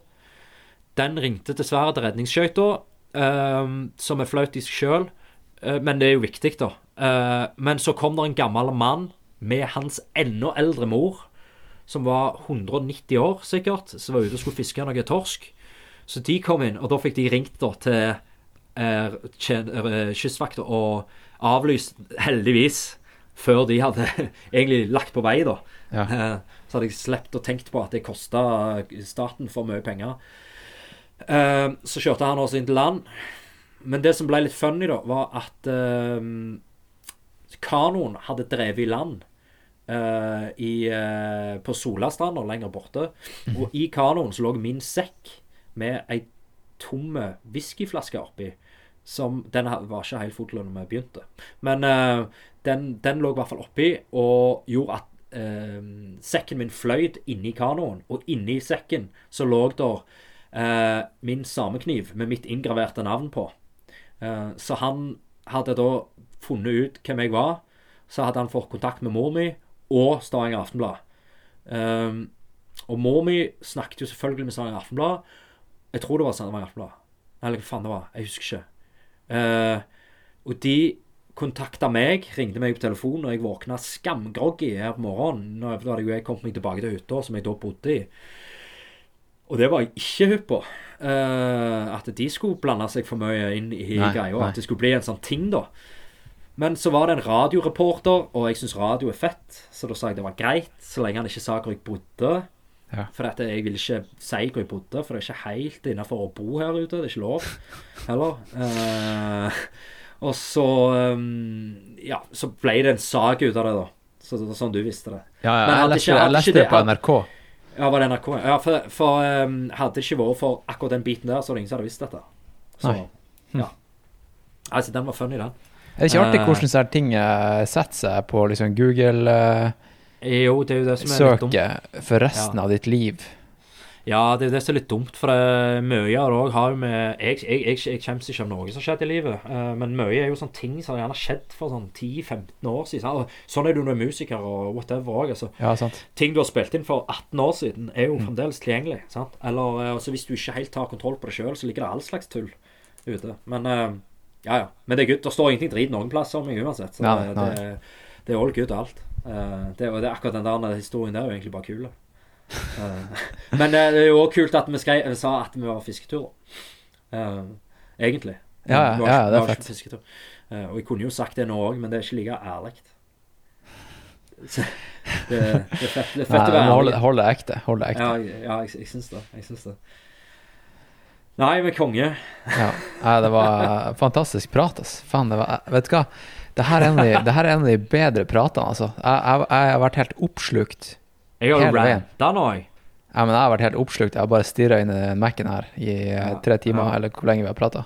Jeg var, jeg var sånn før på forhånd, så var jeg sånn Faen, OK. Hvordan har du funnet OK, men jeg, jeg har tenkt at du har sett at det, Ja, det kan kanskje være en liten story her. Det kan være good, liksom. Og så tenkte jeg sånn Ja, men det er det sikkert òg, for jeg har lyst til å snakke med deg òg. Så Ja. da, da er det fett, da. Dritfett. Altså. Tusen takk Ja, for at du, at du stilte og, Ja, ja, det er helt og Jeg håper vi får, håper vi får sprunget sammen en gang òg. Ja, det må vi jo. Du må bli frisk først. En, en, en, en ting jeg må, eh, må si, er at jeg fatter ikke at mer folk ikke springer i fjellet, som driver med For jeg har aldri vært sånn IL-fyr. Sant? Eh, idrettslag, eller gått på fotball, eller jeg har, bare, jeg har bare gjort ting utenfor. Sant? Altså skata, gjort disse tingene her. Eh, og jeg, jeg fatter ikke at eh, For det er jo, denne sporten her er jo prega av folk som òg er veldig i god form, selvfølgelig, og gjerne har trent langrenn og denne pakken her. Men bare det Min erfaring med å springe i fjellet er Det er så mm, det, det, det, er så mye, det er så mye intenst og digg med det at jeg tror mye mer folk hadde digga det, som aldri hadde tenkt at de liker å springe generelt, da, eller liker å springe i fjellet.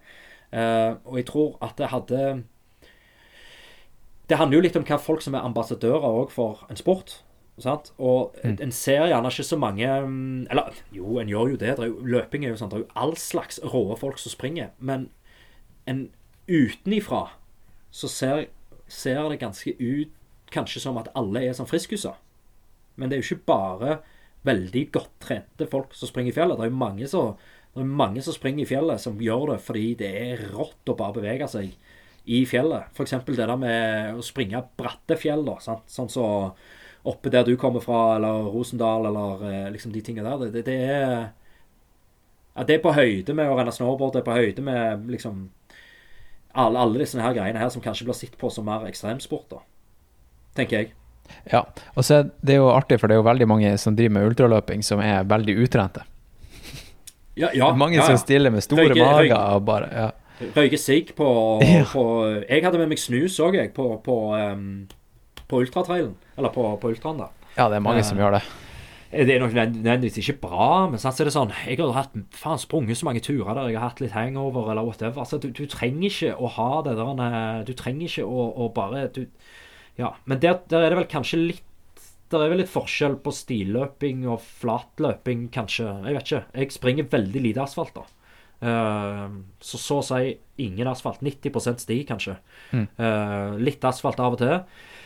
Men merker at når du springer asfalt, så har du jo fått kanskje litt gode kondis av å springe i fjellet. Uh, god muskulatur og alt dette her. Så når du springer på asfalt, så springer du veldig lett for fort på asfalt enn det muskulaturen din på asfalt tåler.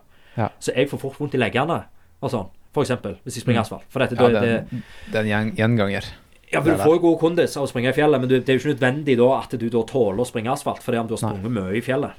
Nei. Eh, det er jo forskjell å trø myr og, og, stein og alt dette greiene her enn å, å springe på asfalt. Så jeg har jo til gode å oppdage Jeg har jo lyst til det òg, da. Jeg har jo lyst til å prøve å springe en kjapp 10 km. Eller har lyst til ja. å springe en kjapp halvmaraton. Og dette greiene her, det virker skamgøy. Eh, jeg har bare ikke tørt helt å utsette meg for eh, den der øvre terskelgreia på, på det. For da er jeg redd for at eh, det påvirker på en måte for mye inn igjen når jeg skal springe i fjellet igjen. At du pådrar deg en eller annen strekk eller et eller annet for det har jeg kjent, liksom, når jeg da lører på litt med, med asfalt, så, så, får jeg eh, vondt på en annen måte. Mm. Eh, så da sparer jeg meg heller. Heller få høydemeter, da. Heller få timer. Telle timer istedenfor um, istedenfor kilometer og dette greiene her, da. Uh, så det Og så vil jeg anbefale for alle å lese den der um, uh, training, for uh, training for an uphill athlete. Ja, det den er helt kanon. Ass. Lett mm. forståelig. Uh, Græla god info rundt dette her med basetrening. Uh, og hvordan å trene opp kapasitet, egentlig. det sto jo at han, sto at han Killian var co-author, men han har, vært, han, har ikke skrevet så veldig mye. Det er et par sitater. Nei, nei, nei, nei, men det er jo salgstriks. Men de er jo, de er jo rå, de der to som har, ja. så har Jeg har hørt litt sånn Det er en sånn Trail Running Nation. Det er òg en podkast som er ganske ja, kul. Uh, de også har snakket en del om dette her.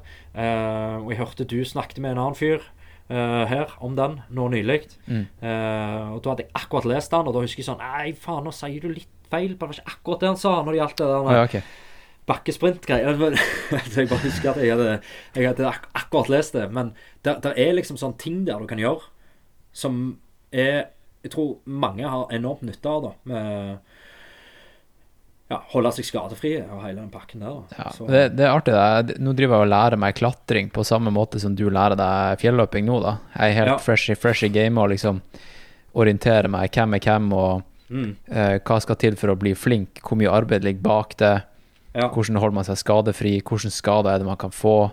Ja. Hvor, altså, hvordan er forløpet da til de fleste som starter med det. Hvor lenge holder de på med det, Ja, ja. og alt sånt der. Um, er bare artig, altså. Det, det er Ja, artig å få en ny, ny noe- tilnærming. Det er jo noe av denne greia med å sette deg inn i flere ting, da. Uh, og bli litt sånn habile i mange ting. Du trenger jo nødvendigvis ikke å være ekstremt flink i Norge, men det er fett. Det er jo en kult å bli galflink i ting. Men det er kult å være allsidig, altså. Uh, Mm. Det tror jeg er Ja, det, en har sinnssykt godt av det. Så Men jeg må få kjøre en liten eh, kort reklame der for Sandnes Ultratrail, altså. Hvis eh, det er så sinnssykt rått det løpet der, og det er så rått med, med Jim og hele gjengen som, som setter det opp. Eh, definitivt anbefaler folk å ta turen der. Eh, flere distanser. Det er maraton, det er 17 km. 50 milesen blir litt hardere òg i år. eh, Litt mer høydemeter. Eh, 100 milesen hvis du vil ha noe helt sinnssykt. Eh, ja, jeg ser jo det er mange kule folk som har meldt seg på der. Eh, Fredrik Askeland sprang jo den på noen og om det var 22 timer eller noe sånt i fjor. Eh, Det var helt sinnssykt at han klarte å gjøre det så kjapt. Eh, så vil jeg anbefale han der, Det er en rå ultraløper herifra. Eh, Tom Erik Halvorsen. Vet du Ja, hvem det er? Ja, ja. For Han må du- få podkasten. Han virker Jeg kjenner han ikke, jeg. Han Jeg lurer, kjenner jeg ikke. lurer på om han har vært med, altså. Uh, fordi Han, eh, han tror jeg var Jeg har ikke hatt en dedikert episode med han, men den der VM-episoden fra 2018, Ja, OK. Ja. der var jo han Tom Erik med. Ja, for jeg hørte bare om han gjennom en kompis, for han sa at han var, psykolog, en sånn psykolog, han visste hvem var, som hadde Ja. begynt å springe. Og funnet, og, ja, og funnet ut at han, uh, funnet ut at han ble eh, god i det, da. Mm. Men han, han er jo helt sinnssyk. Han har god kapasitet. Og så er det jo, det er jo masse rå fjelløpere her inne. Så um, jævla kult miljø. Um, Det er, Jeg sjekka nettsida nå, det er 22. til 24. april. mm, så det er jo ganske tidlig, da, så du må jo ha visst om det litt da, Ja. forhånd. For, um, så det, men det er kult at han satte opp litt tidlig, så får folk kicka off uh, sesongen sin med et, uh, et kult løp der, da. Mm. Så um, ja. Skal du ha mange løp du i år, eller? Jeg starter neste Altså om to helger. Ikke førstkommende, men helga etter. Da skal jeg løpe KRS. Kristiansand. Ja, det virker kult. Det er dritfett. Ja, Det- det, har han kompis min Ove har sprunget det. Det er 100, det, er det ikke det? Nei, det er 60. Å, det er 60, ja. 60. ja. OK, ja. Men det Nei, er det, ganske var, um, det var et det- av mine første ultraløp. Ja. 2017 eh, Man kan vel kalle det et eh, breakthrough-løp. Jeg vant det jo. Å ja. ja, men det er jo helt rått som første, første løp. Det var kanskje ja, tredje løp, da. Ja, men men ja. første der jeg liksom gjorde det skikkelig bra. Det er skikkelig bra. Ja, ja, så sånn. kult. Er, er det et raskt løp, det? Ja, det, jeg tror jeg løp på 5.29. Ja. Ja. Jeg vet jeg løp på 5.29. Ja, ja, ja. Ja. ja, ja, ja, ja, ja. Men er det, er, det, er det mye høydemeter på det, eller er Jeg, det jeg sånn tror det er to, uh, to-ish. Ja, kult. Ja. Ja, men Det, det, det er er dritfett. Da er det litt sånn lignende kanskje um, Blefjells beste. Sånn i sånn profilmessig sånn Ja, det kan eh, det godt være. distanse og høydemeter og, Ja. og sånn at det går an å holde et sånn type tempo, da. Ja, for det, det er ganske løpbart hele veien. Det er, veldig, Ja. eh, det er, det er vel bare én lang motbakke som er liksom der du må legge hendene på knærne. Ja. Så da går du for, eh, går du for win denne gangen òg, da. Må jo gå for uh, the big W. Ja. Du har trent, trent, trent, trent bra da i det siste, regner jeg med? Jeg har, eh, jeg har um, som sagt hatt vondt i lysken, men det har egentlig ikke hindra treninga. Det Nei. eneste jeg har gjort, er jo bare å kutte ut og gå på skøyter. Ja, for der er det jo eh, Der var jo han, eh, han Askild tipsa om den der Copenhagen-øvelsen. Ja, og så har jeg, jeg har fått bra hjelp, da. Jeg har brukt, Ja, ja, ja. eh, hvis for alle som, som um, vurderer å kjøpe helårs, utvida helårslisens, så kan jeg bare anbefale det på det sterkeste. Ja, Har, da eh, får du Virkelig misbrukt eh, den der, den der eh, hele, hele den pakka du får gratis med det, da, av forsikringer. Med, Ja. med fysio og idrettslege og Ja. MR og Det- alt det der. Ja, Det er jo helt fantastisk. Det Det, gjør jo sånn sett med et frikort òg, da. Hvis du går mye til en fysio med, Ja, med, som har ordning, og eh, er oppe i 2000 et eller annet, så får du Mm. frikort på det, da. Så det um, Vi lever jo i et godt land på den måten. Det er sant, altså. Uh, og ikke overtrene ting når du begynner å få skikkelig vondt, liksom. Uh, og hvis du ikke finner ut hva det er, så må du bare ikke gi det liksom, til folk, da. Altså, Ja. ikke, de må bare pushe på, liksom. Og, og, og, eh, for det er mange som trener, trener på seg sinnssyke eh, skader.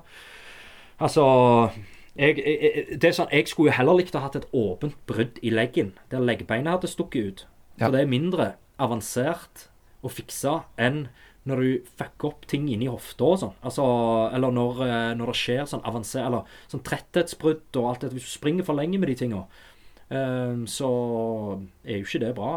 Nei, det er ekkelt, altså. Det er ekle, ekle skader. Ja. Så det var Jeg tror det var en god avgjørelse jeg gjorde da med å bare kutte alt. Eh, og det var jo i, rå- i samråd med, med, med fysio, da. Rett og slett på å bare, bare la ting få helt hvile. Og det er jo noe som de veldig sjelden egentlig gir deg som råd. Uh, for det er, jo, det er jo relativ hvile som er ofte greia. Eh, men eh, i mitt tilfelle da, så er det vanskelig å få til. Eh, så da er, det, da er det jo bare det å prøve å bare OK, la ting La, la akseptere forfall. Eh, eh, aksepter indre uro, tidvis, og finn eh, andre verktøy, for da blir du sinnssykt mye sterkere enn etterpå. Eh, når du da rett og slett ikke er så avhengig av å ha kontroll på å være i orden, sant? sånn kroppslig sett, som du Sant. ofte er i løping. Heller bare aksepter at det er sånn det er. Neste år så skal jeg så skal jeg redusere mye mer når vinteren kommer. Så skal jeg renne mye mer på snowboard. Uh, gå mye mer toppturer. Jeg ser du har splitboard bak, et par der. Jeg skal gå mye mer toppturer. Uh, skal surfe mer, uh, men fremdeles løpe. Men ikke prøve å, å la deg lure av å holde en kilometer eller time belastning i løpet av ei uke. Er du med? Altså, Jeg er helt med, altså.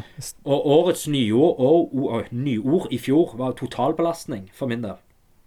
Når du har små unger, kanskje sliter med søvn, krevende jobb eh, Du skal prøve å holde så og så mange timer trening i uka. Og så i tillegg skal du prøve å få surfe, så skal du prøve å få renne, så skal du få sånn. Og så skal du begynne å spille, lage nye sanger, gå på øving. Og så skal du være sosiale, og så skal du Er du med? Så hodet mitt klarer ikke alltid helt å Nei, nei. tenke For jeg tenker at jeg er power i alt. Sant? Altså, du bare, Det går. Det går. nei, det, det, det da går det ut over et eller annet. Og spesielt da, nå har ikke det gått ut over ungene eller familien sånn hjemme, fordi at jeg har den turnusen jeg har. Så de, de eh, Dattera mi er jo sånn 'Skal ikke du springe igjen snart, pappa?' Sant? Altså, hun er jo kjempedigger at jeg springer og, og alt dette her. og Eh, og sånn da, men, men, eh, men det går ut over andre Det kan kanskje gå ut over ting. Altså Det, det går gjerne ut over hvor mye overskudd har du når du går på jobb, da. Eller hvor mye Ja, ja. Overskudd har du mentalt, eller sover du faktisk godt? Sant? Altså Det Ja. Det er ikke lett når du får uh, nye jobber, eller når du får uh, nye ting, da, og blir ivrig. Sant? Altså, Og worst case, da. Worst Ja. case når du kommer tilbake til løping, eller uh, dem som hører på, hvis de er skada kjempelenge og kommer tilbake til løping, så kanskje du ikke Kanskje du aldri blir like rask, men Nei. du kan kanskje ha det morsommere. Ja, ja, ja. Jeg tror at jeg blir mye raskere, da. Ja, ja, ja selvfølgelig, skal du, selvfølgelig skal du bli raskere. Du er jo bare 37. Er Men la oss si du hadde vært 37. skada til du var 60, ikke sant? Ja, Så kunne du fortsatt nei. ha det dritfett. Der er en, eh, der er en rå mann som jeg springer med litt med Dale der. Uh, over, over 60. Uh, sprunget hele livet, gått mye på langrenn. Jeg husker ikke hva han heter, men han er, han er så god form, og det er så rått å se. Litt vond i knærne, uh, men det gjør ingenting. Altså, han bare, Det er så rått å se, det er så motiverende. Og jeg vet ikke hvor lenge det går an å drive med løping. Det er sikkert litt begrensa. Surfing kan du sikkert drive med lenger, men eh, Ja. det er jo roa litt på de nedoverbakkene. Det er vel òg gjerne et lurt tips. Jeg vil tippe at det går an å holde på med løping uh, hele livet hvis du bare tar det litt, uh, litt mindre er høydemeter når du blir eh, skikkelig gammel. Du ser, Ja. jo, du ser jo hele tida sånn her ny verdensrekord på 100 meter med, med 100-åringer. Ja, sant. Det er jo helt konge. Det var jo en i Norge òg som sprang noen maraton som var haugammel. Ja, ja. Nei da, det går bra, det. Eh, du, er jeg eh, du er nødt å se på eh, en kompis meg som tipsa meg om um, uh, For vi har jo snakket litt om uh, liksom hvorfor uh, jeg er som jeg er, eller whatever, og hva som gjerne trigger mange folk som springer ultra og sånne ting. Eh, men på eh, svensk TV, SVT, eh, som er akkurat NRK i Sverige Du bare til å laste ned appen, så ser du han gratis. Jeg fikk tips av en kompis. Løperens, nei, Løperens veg. Har du Ja, sett den? ja, det er fantastisk. Å, Det er min favoritt, to, mine to favorittfilmer. Du du har sett han- begge to? Ja. Eh, og denne nyeste uh, sånn, Det er jo alltid lett Vi sitter alltid i sofaen og kjenner oss igjen i folk og sånn. Men uh, kjenner meg igjen i han, altså. Ja. Uh, det tror jeg mange gjør. Men, men måten tilnærminga han har til skogen og sånn, måten jeg òg har brukt skogen på, måten jeg har brukt løping på eh, Det er ja, helt nydelige. Og så bare se han med livet hans der, fuckings full kontroll. Ikke full kontroll, men full kontroll, hvis du forstår hva jeg mener. Fått ja. det til å passe, Ja. fått det til å funke. Altså, At alle er nødt til å jobbe 100% det er bullshit. Uh, det er jo helt hull i hodet at vi lever i et sånt samfunn. Men jeg er i hvert fall fan av at han har fått det til sånn som han har, og lagt opp, uh, lagt opp opplegget der, da, som er kult. Folk jobber seg jo i hjel og sliter seg ut og sliter med Jeg heier på mer åpenhet rundt mental helse, uh, uansett uh, hva det gjelder. Og det liksom der, Derfor har jeg jo bare valgt å være ærlig, selv om jeg er en som egentlig ikke sliter, sånn sett, men har hatt utfordringer. Men det Ja. har faen meg folk flest. Og jeg vet om jeg er ikke ensomme, jeg har masse venner, jeg er ikke deprimerte. Litt sånn sutredeprimerte nå når du er skada, men, men uh, jeg vet om mange, og jeg kjenner mange. og bare det der med å snakke om det, og tørre å si liksom at du Ja, ja, jeg springer i fjell for å bearbeide mye òg. Jeg har gjort det, spesielt etter de der greiene. Og det Snakke om hvordan du har vokst opp, og ting som har vært utfordrende. og liksom Jeg klarte ikke alle som gidder å høre på det, men hvis du treffer folk som har lyst til å snakke om de tinga, og har behov for å snakke om det sjøl, så er det greit viktig. Og jeg tror løping, da, i en sånn podkast som det her eh, Dritkult å kunne spore litt inn på de, de Ja, tinga der. De fleste har jo opplevd noe drit, og så er det jo overraskende. så Hvis du bare åpner deg opp, så åpner som regel de andre seg også opp.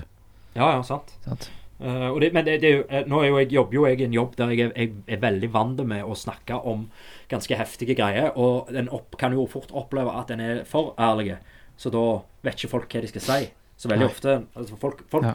har ikke peiling hva de skal si hvis noen får et angst, panikkanfall eller et eller annet, og ringer til syk med en gang. Men kanskje du egentlig det du må gjøre, er å bare fokusere på pusten, slappe av, så roer det seg. Så er det ferdig. Det er, et, det, er et, det er en kroppslig reaksjon på et uh, stressmoment. Sant? Altså, så ting trenger ikke være så avansert. Og det en trenger, er egentlig bare å ha gode folk rundt seg som aksepterer at ting er som det er. Slippe å holde en jævla fasade oppe hele tida for å vise at du er sterk. uh, men heller bare finne styrke i å kunne, kunne være åpen om sårbare ting, da. Tenker jeg. Eh, er en bra ting. Så ja. Word, ass. Nei, takk skal du ha. Du, ja, vi kan, også, kan slippe mikken der. ja. Men um, du må Du må Altså, vi må avslutte med ei låt, da. Ja. Det må vi. også. eh, jeg kommer til å bruke litt eh, musikk i introen, og så kanskje under den lille påtvungne pissepausen midt i der. Ja, ja, ja, men det er helt konge. Men uh, Men hva eh, er slags eh, sam, sa- sampla, de, eh, litt fra de der to der, da. Ja. Uh, som jeg sender. Uh, og begge de to tekstene der handler jo om uh, dette her som jeg fortalte om både min far, men helst om Åge og Kim som døde. Det handla om hvor jeg var mentalt etter det skjedde. Det handla om hvor jeg var når jeg eh, var på egentlig en ganske mørk eller tung plass å være. da. Eh, og de to sangene der er De er ganske er klare på det, da. Eh, på, den, på det bildet der, tenker jeg. Dæven, altså. Så, Nå fikk jeg Mm. frysninger. altså, krater, den ene sangen heter Krater. Det, det, er vel, det er jo et krater. Du har blitt bomba, du har blitt most. Følelsesmessig krater. Følelsesmessig krater. Og det er i et slags sånn måne, månelandskap, og det handler om å, å, å, eh, å, eh, treffe versjoner av deg sjøl som du ikke visste hvem var. Eh, Det handler om å være jævla svak, og, og, og, og uten å være svak, du er egentlig jævlig sterk. Så handler det om å, å reise deg opp igjen, og, og innse eh, hvem du egentlig er, da, oppi det. Eh, og Myra handler Den andre sangen handler, handler vel egentlig mer om å identifisere en plass inni deg som har fått lov å gi næring til feil energi. F.eks. da aggressivitet, Mm. som er ganske synonymt med intensitet, men kan komme ut på en feil måte. Og det å identifisere den og rive den ut, eh, og erstatte det med noe annet Er du med? Eh, Ja, det, betyr med, at du, det betyr ikke at du er en aggressiv person som går og slår ned noen på gata. Det handler bare om, om frustre, frustrasjon, frustrerte følelser. Altså den type greier der. Eh, for det, det husker jeg eh, det husker, Nå, nå ranter jeg litt, sorry. Eh, men jeg husker at jeg, jeg eh, snakket med en, en tibetansk lama om dette. Som man gjør. ja. eh, nei, jeg var på et foredrag, og så var det sånn spørrerunde etterpå. Så vi spør noen spørsmål. Så spurte jeg han liksom om det, da. Uh, hvis du identifiserer en plass inni deg som er vond, og, men hvis du òg har klart å få identifisert den og løfte den opp, og du ser det, og du ser at det er en destruktiv kraft i deg eh, hva skal du gjøre for å Eller ikke destruktive, men han kan på en måte Det er en, det er en ting du ikke vil ha, eller en energi som du ikke vil, du ikke vil at skal ha plass i deg eh, så mye. Hva skal du gjøre med det, da? Eh, så sier han det at du skal akseptere han, og så skal du bare løfte han opp, så skal du være snill med han, og så skal du bare fylle han med kjærlighet. Det rommet som den har tatt i deg. Kan du bruke det det med Kan du bruke det til sorg også? Selvfølgelig. Mm. Ja, ja. Og sorg handler jo bare om helbreding. Sant? Det handler om savn veldig mye.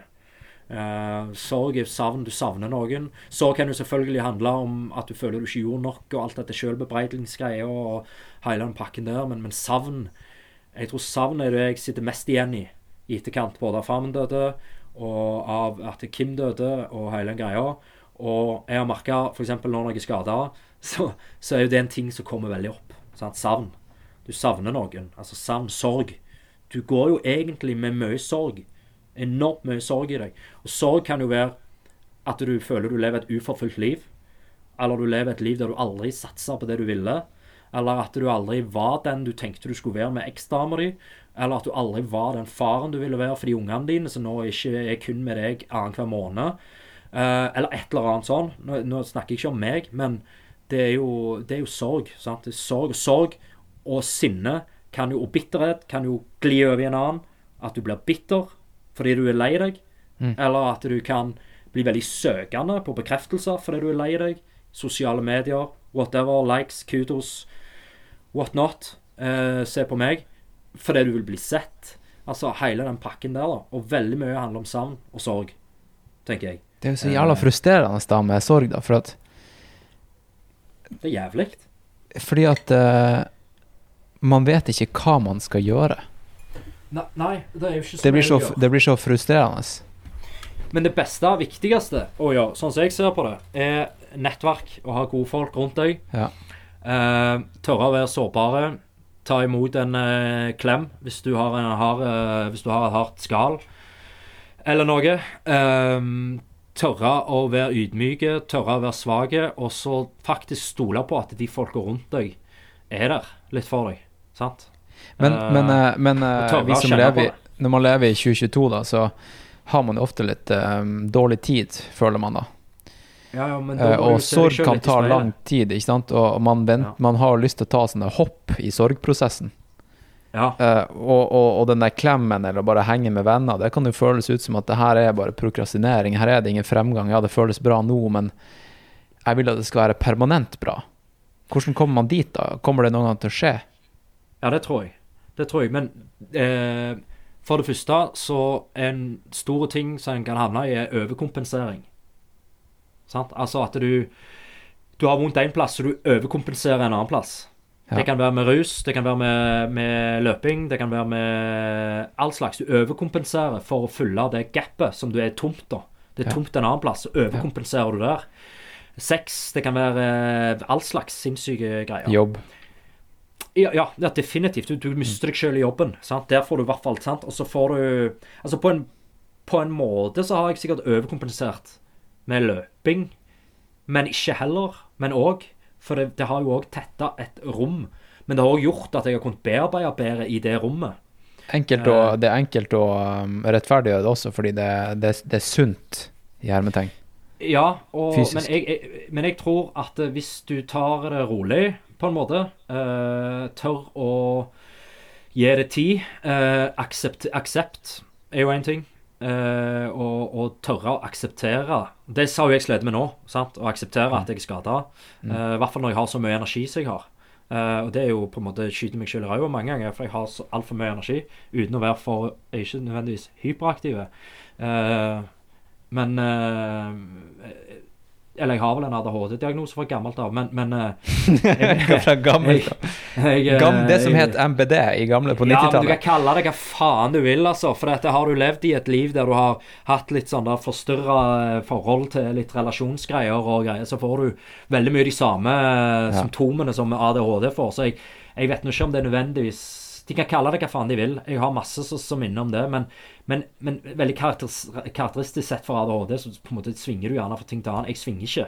Jeg eh, fokuserer på ting og holder ut med ting jævlig lenge. Men jeg blir veldig interessert i det. Uh, og jeg holder ut med det lenge, men jeg er engasjert, det, så jeg har mye energi. Og når du når du, ble, når du, når du ikke får gjort det, da, sant? så kommer dette her, da, som vi snakket om. Det kan komme sorg, det kan komme Sorgreaksjoner er jævlige. Jeg sørger ennå over min far som døde for ti år siden. Sant? Altså, det kommer opp ofte i drømmer. Det kommer opp i Ja, ja, når jeg sprang ultraløpet, kom han og hilste på.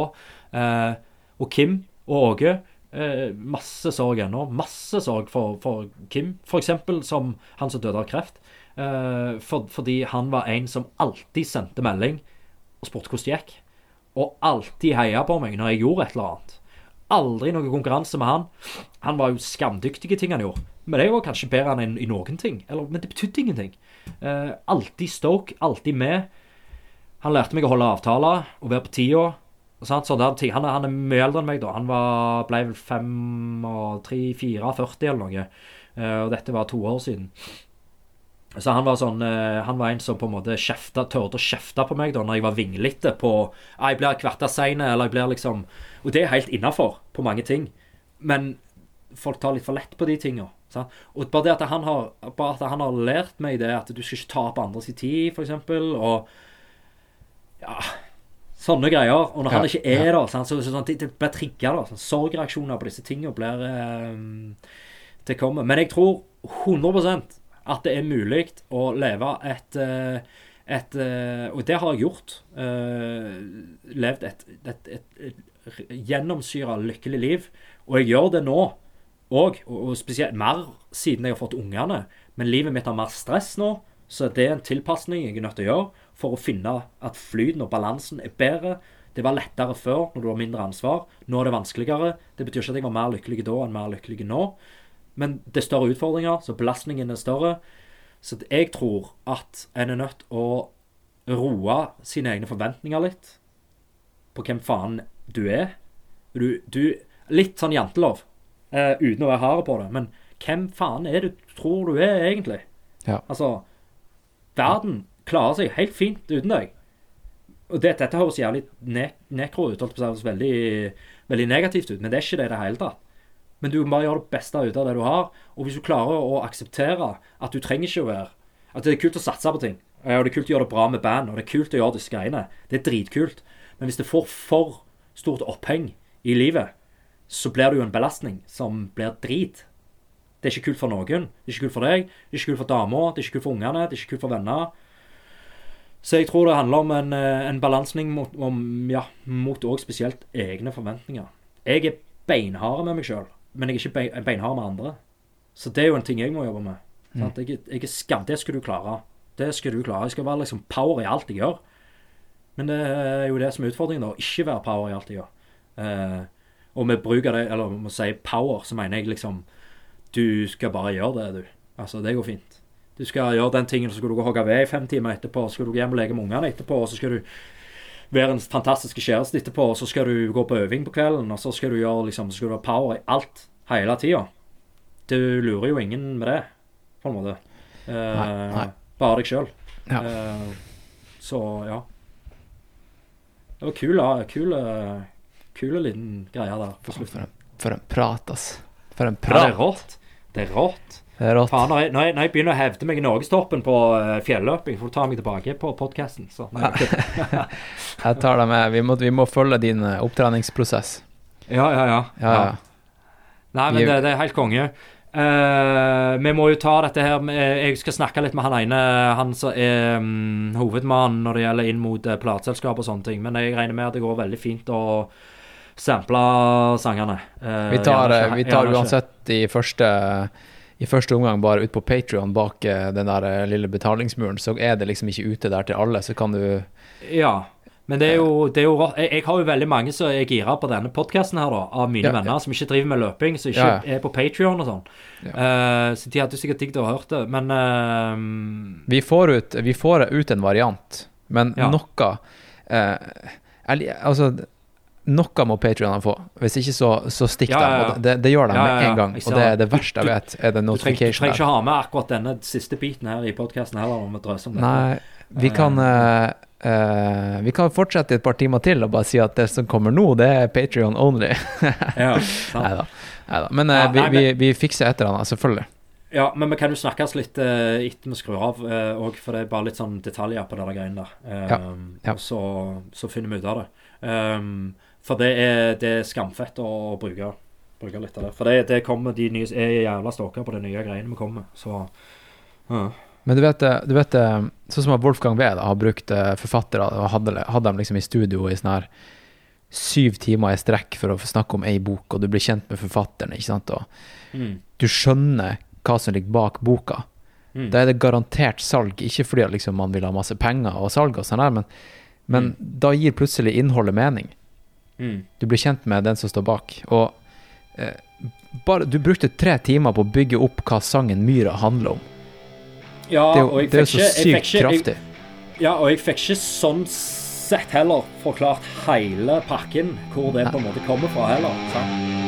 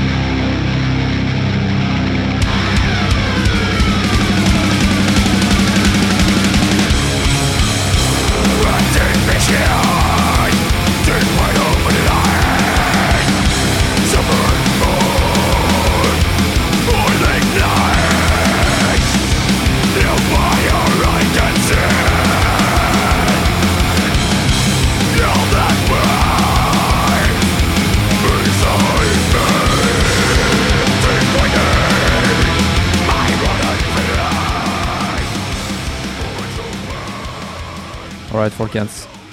Takk for at dere hørte på denne episoden av eh, Nå er det alvor. Dere vet hvor dere kan finne mer prater som det her. Det her er en av eh, godt over 300 podkastepisoder som, eh, som ligger der ute. Og siden, eh, siden mars så har jeg vel spilt inn ja, godt over Hva skal vi se her, da. Det må vel være sånn 30 episoder siden, eh, siden denne episoden her ble lagt ut. Eh, skal vi se her, da. Har nå hvert fall spilt inn en god del, da. Og jeg kan ta, ta og nevne noen, da. Jo, jeg la ut en eh, episode med intervjuer med han Sebastian Konrad Håkansson fra eh, NM 100 km spesial fra Bergen. Og det var også en prat med Ingrid Lid. Eh, jeg spilte inn en Kaffeslabberas-episode med han Patrick Stangby og Johannes Rummelhoff. Jeg dro ut til eh, Kristiansand og løp der KRS Ultra. Og da spilte vi inn en løpsrapportepisode med min nemesis Steffen Bruflat, som slo meg på målstreken etter 60 km. Eh, det ligger en episode med han eh, Tor Gotaas der ute, eh, om jogging. Fantastisk episode. Det er en episode fra sentrumsløpet. Vi har en episode med Elisabeth Borgersen, en av Norges beste ultraløpere gjennom tidene, som snakker om sine et skadehelvete og sitt comeback. Og så har vi en episode med mm, Skal vi se her, da. Tom Erik Halvorsen, som eh, han eh, Hallgeir Skretting Enoksen kjenner godt til. En av de beste ultraløperne gjennom tidene. Han kom til Studio Disen litt tidligere i, eh, i år, det var vel før sommeren, og slo av en totimers prat. Em, fantastisk episode. Vi har en ultraspørsmål og svar-episode med han Tor Einar Wahl. Eh, en, eh, en lang episode med Askild Vatnbakk Larsen, der vi snakker om vår treningsleir på Vestlandet. eh, en episode med Tobias Dahl Fenre om Mozart 100. Den ligger for så vidt på, på Spotify og iTunes også. En episode fra Nøsen Hundreds med Paul Augier, Nora Ceres og løpsarrangør Paul Magnus. Vi har en til episode med han Tor Gotaas, der vi snakker om løping og havregrøt. En eh, Quebec Megatrail spesialepisode der eh, det er vel egentlig bare en, eh, en solid løpsrapport. Min opplevelse fra det 80 km lange løpet jeg gjorde tidligere i sommer i Quebec i Canada. Så har vi en eh, episode med han Tor Einar Wahl om eh, ja, rett og slett bare ultranerding. Eh, der vi snakker om Maraton Mont Blad og intervjuer med han Greg Volé og han Anders Ponni Kjærvik. Så har vi han Åsmund Kjølmoen Steien, der han snakker om, om Rondane 100. Han er jo løpsarrangør der. Faen, altså det er så mange bra episoder. Så har vi han Patrick Stangby, Simen Holvik, Andreas Gossner, der vi snakker om løping og sykling på Island og Badwater 135. Strandafjord Trail Race-episode, Tromsø Sky Race-episode. En egen spesialepisode fra UTMB. Herregud, altså, for en episode. Der vi intervjua Tobias Dahl Fenre, Andreas Reiterer, Paul Augier, Elisabeth Borgersen, Max Drion, Therese Aarvik, Patrick Stangby, Anders Kjærvik, John Albon og eh, Nei, skal vi se. Henriette Alben og Simen Vestlund. Eh, og så har vi en eh, egen episode fra der jeg var med på en Clubhouse-session til Breaking Marathon Limits. Og så en egen episode med han Olav Holden og Sofia Laukli. Didrik Hermansen og Anna Simonsen Søndenå, som er 18 år gammel, og som satte ny nordisk rekord på sekstimers i Sverige. Og så er det en rykende fersk episode med ho Yngvild Caspersen, Olav Holden, Tobias Dahl Fenre og Stian Dahl Sommerseth. Da fikk dere hele regla, folkens, av episoder som er lagt ut siden eh, den episoden dere hørte i dag, med han Hallgeir Skretting Enoksen. Og hvis dere har lyst til å høre det her, så kan dere gå inn på patrion.com slash alvorpodkast. Og så kan dere bli eh, medlem av den her eh, Fuck asfalt-pakka. Meld dere på der, og så får dere tilgang til eh, Slack-kanalen. Og så sender jeg dere en, et par klistremerker i posten, helt kostnadsfritt. Og så får dere en ny episode hver eneste uke, sånn cirka. Dere kan gå tilbake og høre alle episodene som er lagt ut gjennom tidene. Dere får en oversikt over alle episodene og et Excel-ark som jeg har laga, der dere ser hvilke episoder som ligger på, på iTunes, og hvilke episoder som kun ligger på, på, på, på Patrion. Rett og slett, folkens, ta og sjekk ut patrion.com slash alvorpodkast, og så snakkes vi på Slack, som er et sted der dere kan chatte med meg og alle de andre patrionsene om ultraløping, om klatring, om ernæring, om Eh, eller sånn som jeg egentlig har brukt det for det meste i det siste, har det vært å snakke med, med, med lytterne samtidig som det pågår eh, race. Så vi, eh, vi, snakker rett og slett om det som skjer ute eh, i løypa. Så nå, akkurat nå, as we speak, så er jeg inne på Slack, og så ser jeg at det er et løp som heter Ultra Pirinjø, som foregår. Og um, der er det en som heter Miguel Heras Hernandez som eh, ligger på andreplass på 100 km. Og det som er kult med han, er at han er nesten 50 år gammel og har drevet med ultraløping sånn siden 90-tallet. Og han ligger nå på andreplass bak russeren Dmitrij Mitaev. Ganske så solide der. Tenk, tenk å, å, være i verdenseliten i, uh, i ultraløping og nesten bikke 50. Det er jo helt sjukt.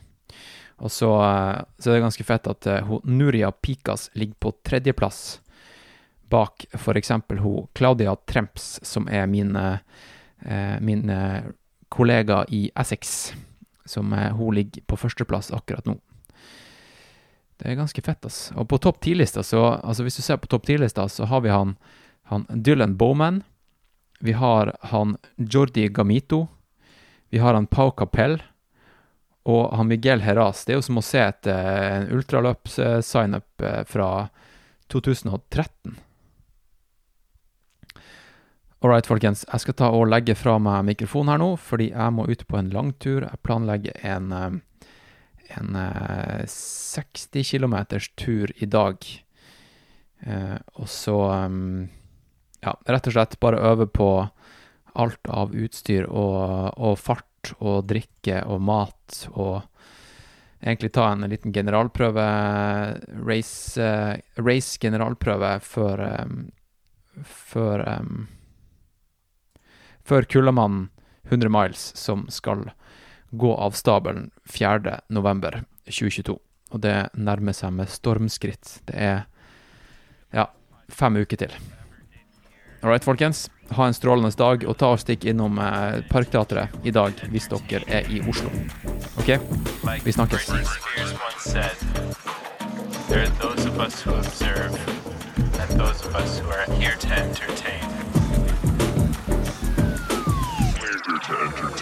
Bitch.